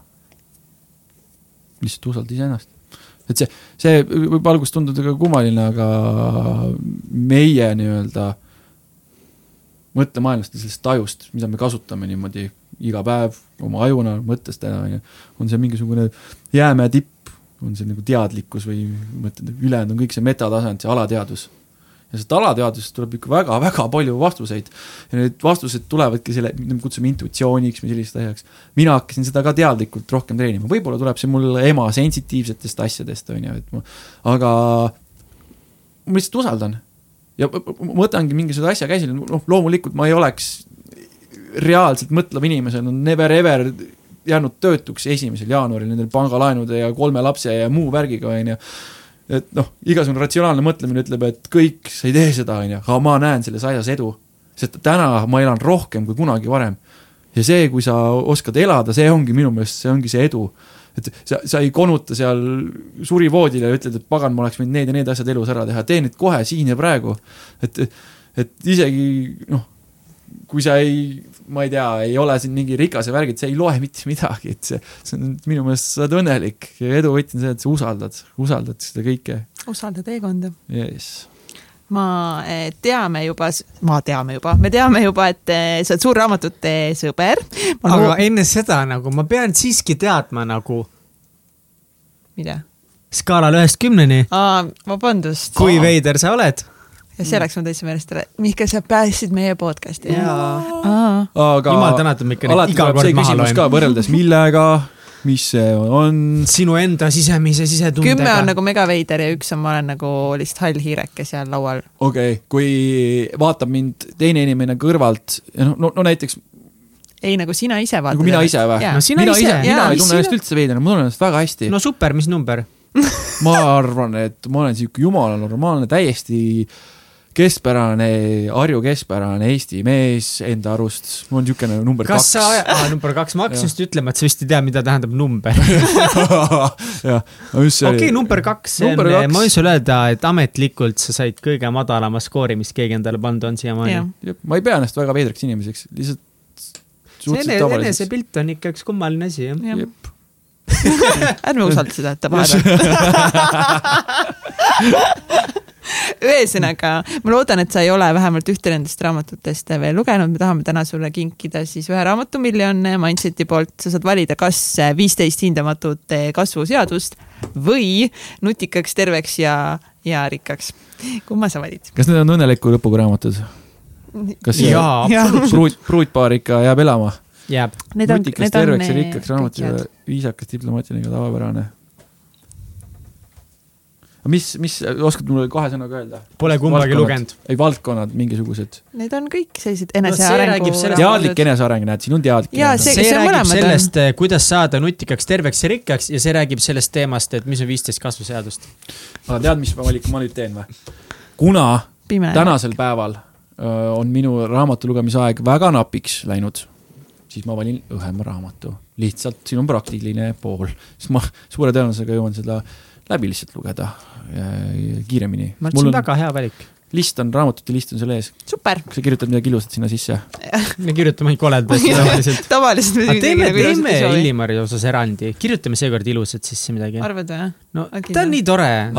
joonistage midagi vallatut äkki. samas ta ütles, et ta on mingi kaks, et nagu ma ei tea nagu.. aa, samas, pane ikka. pane standard. pane standard kus meie kuulajad saavad sinu tegemistel silma peal hoida? Oo oh jaa, oo oh jaa, vaata, siin ongi see värk, see Piltsbergi blogi. palun äh, minge vaadake, varsti tuleb uus koduleht. Piltsberg.com. jaa, ja Piltsberg kirjutatakse niimoodi pilt siis tuleb S ja siis tuleb Berg nõrga B-ga. ja Mihkel arvas kuni meie tänase salvestuseni, et Illimari nimi ongi Illimar Piltsberg. kas ma ei öelnud seda saate alguses juba või? ja ütlesid, ütlesin. sa arvasid. Kas see oli meil off record minu meelest ei olnud või? off record oli. oli või? ja, me... ja, ja ma arvasin kogu aeg, et sa oledki Illimar Piltsberg. tegelikult peaks seda ka ütlema, et meil läks saate alguses kõik täiesti pekki nagu kõik läks pekki ah,. ja me alustasime salvestusega mingi tund aega hiljem. me oleme nagu selle kahe tunni asemel rääkinud, me oleme tegelikult kolm tundi rääkinud. ja, ja kutid tegid mingi kätekõverdusi siin, Mihkel seisis pea peal, tegid täiesti hullusi siin uh, -huh. nii et minge vaadake, tšekkige Instagramist. nii et ühesõnaga Katu siis pärast teaks, et ma nagu päriselt, te praegu tunnistate ka seda, et ma lihtsalt laste magama aeg, mineku ajaks lihtsalt jäänud teiega lihtsalt lobisema siin, vaid meil läkski asi pekki. ja, ja läkski pekki ja. muidugi oh,. ja, ja, ja. aga jah, et, et Instagram, Piltsberg, eh, Facebook, Piltsberg, kes tahab, võib Illimar pildile ka kirjutada, on ju, kuigi ma seal väga nagu aktiivne pole, et ma tegelengi nende sotsiaalmeedia asjadega.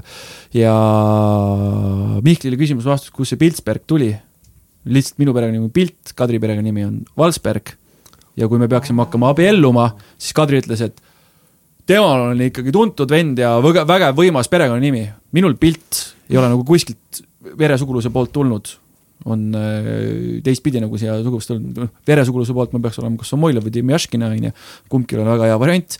ja siis ma ütlesin, et oot-oot-oot, aga mul ikka need põhimõtted, ma sealt pildist ka ikka ei loobu, on ju. kui noh, lihtsalt ma ei taha Waldbergi võtta. ja siis otsustasime, et aga saame keskteel kokku, paneme Piltsberg, et loome mingi uue liini, mida keegi vist edasi ei vii, sest me oleme kõik tütred Illimar Pilt. ja, et ja, ja, ja kui te käitegi nendest, kui loete neid blogisid, siis kirjutage mulle, et kui midagi inspireerib, et see annab mulle uut jõudu. Äh, ja võite kirjutada mingeid mõtteid, millest ma veel võiksin näiteks kirjutada või mida te tahate nagu kuulda, et ja, ja näiteks uh, kui te käite sotsiaalmeedias uh,. Uh, no. ma lihtsalt tahtsin, mida mina tahaks teha nüüd, kui te varsti, noh, ma ei tea, kas seda tohib öelda või ei tohi, aga kui te võib-olla mingi videopildi endale juurde toote tegemistele uh,, onju. Uh, uh, nii, ma täiega tahaks, mulle hullult meeldivad, kui mingi papsid ja nende lapsed tantsivad koos või teevad mingeid tantsuvideosid. sa pole neid näinud veel või?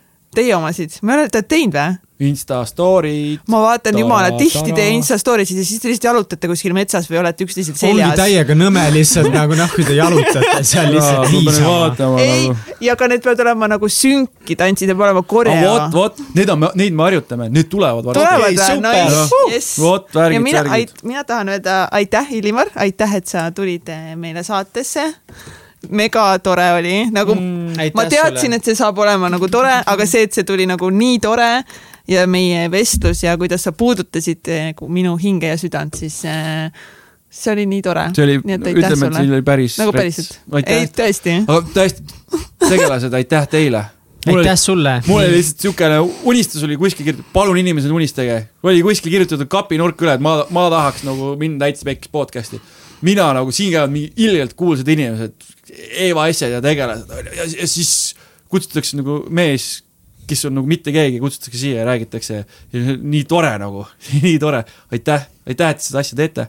super tänud ja, ja ma võin omalt poolt öelda seda, et, et kui te Instagrami lähete, siis minge likeige ikkagi Täitsa Pekkis podcast'i ka ja, ja, ja, ja palun share ige, sellepärast et share imine, share imine, siis ta jõuab väga palju kaugemale ja päriselt ka ma vaatan nüüd enda postitustega ka, et need, need lihtsalt, need asjad on vajalikud mind nagu on see Täitsa Pekkis podcast väga palju inspireerinud, mul ei ole täna aega lugeda, ma saan podcast'i kuulata. Podcast'i on ülihea kuulata siis, kui sa sõidad autoga, lähed tööle, teed trenni, on ju, ja sa õpid, õpid kogu aeg.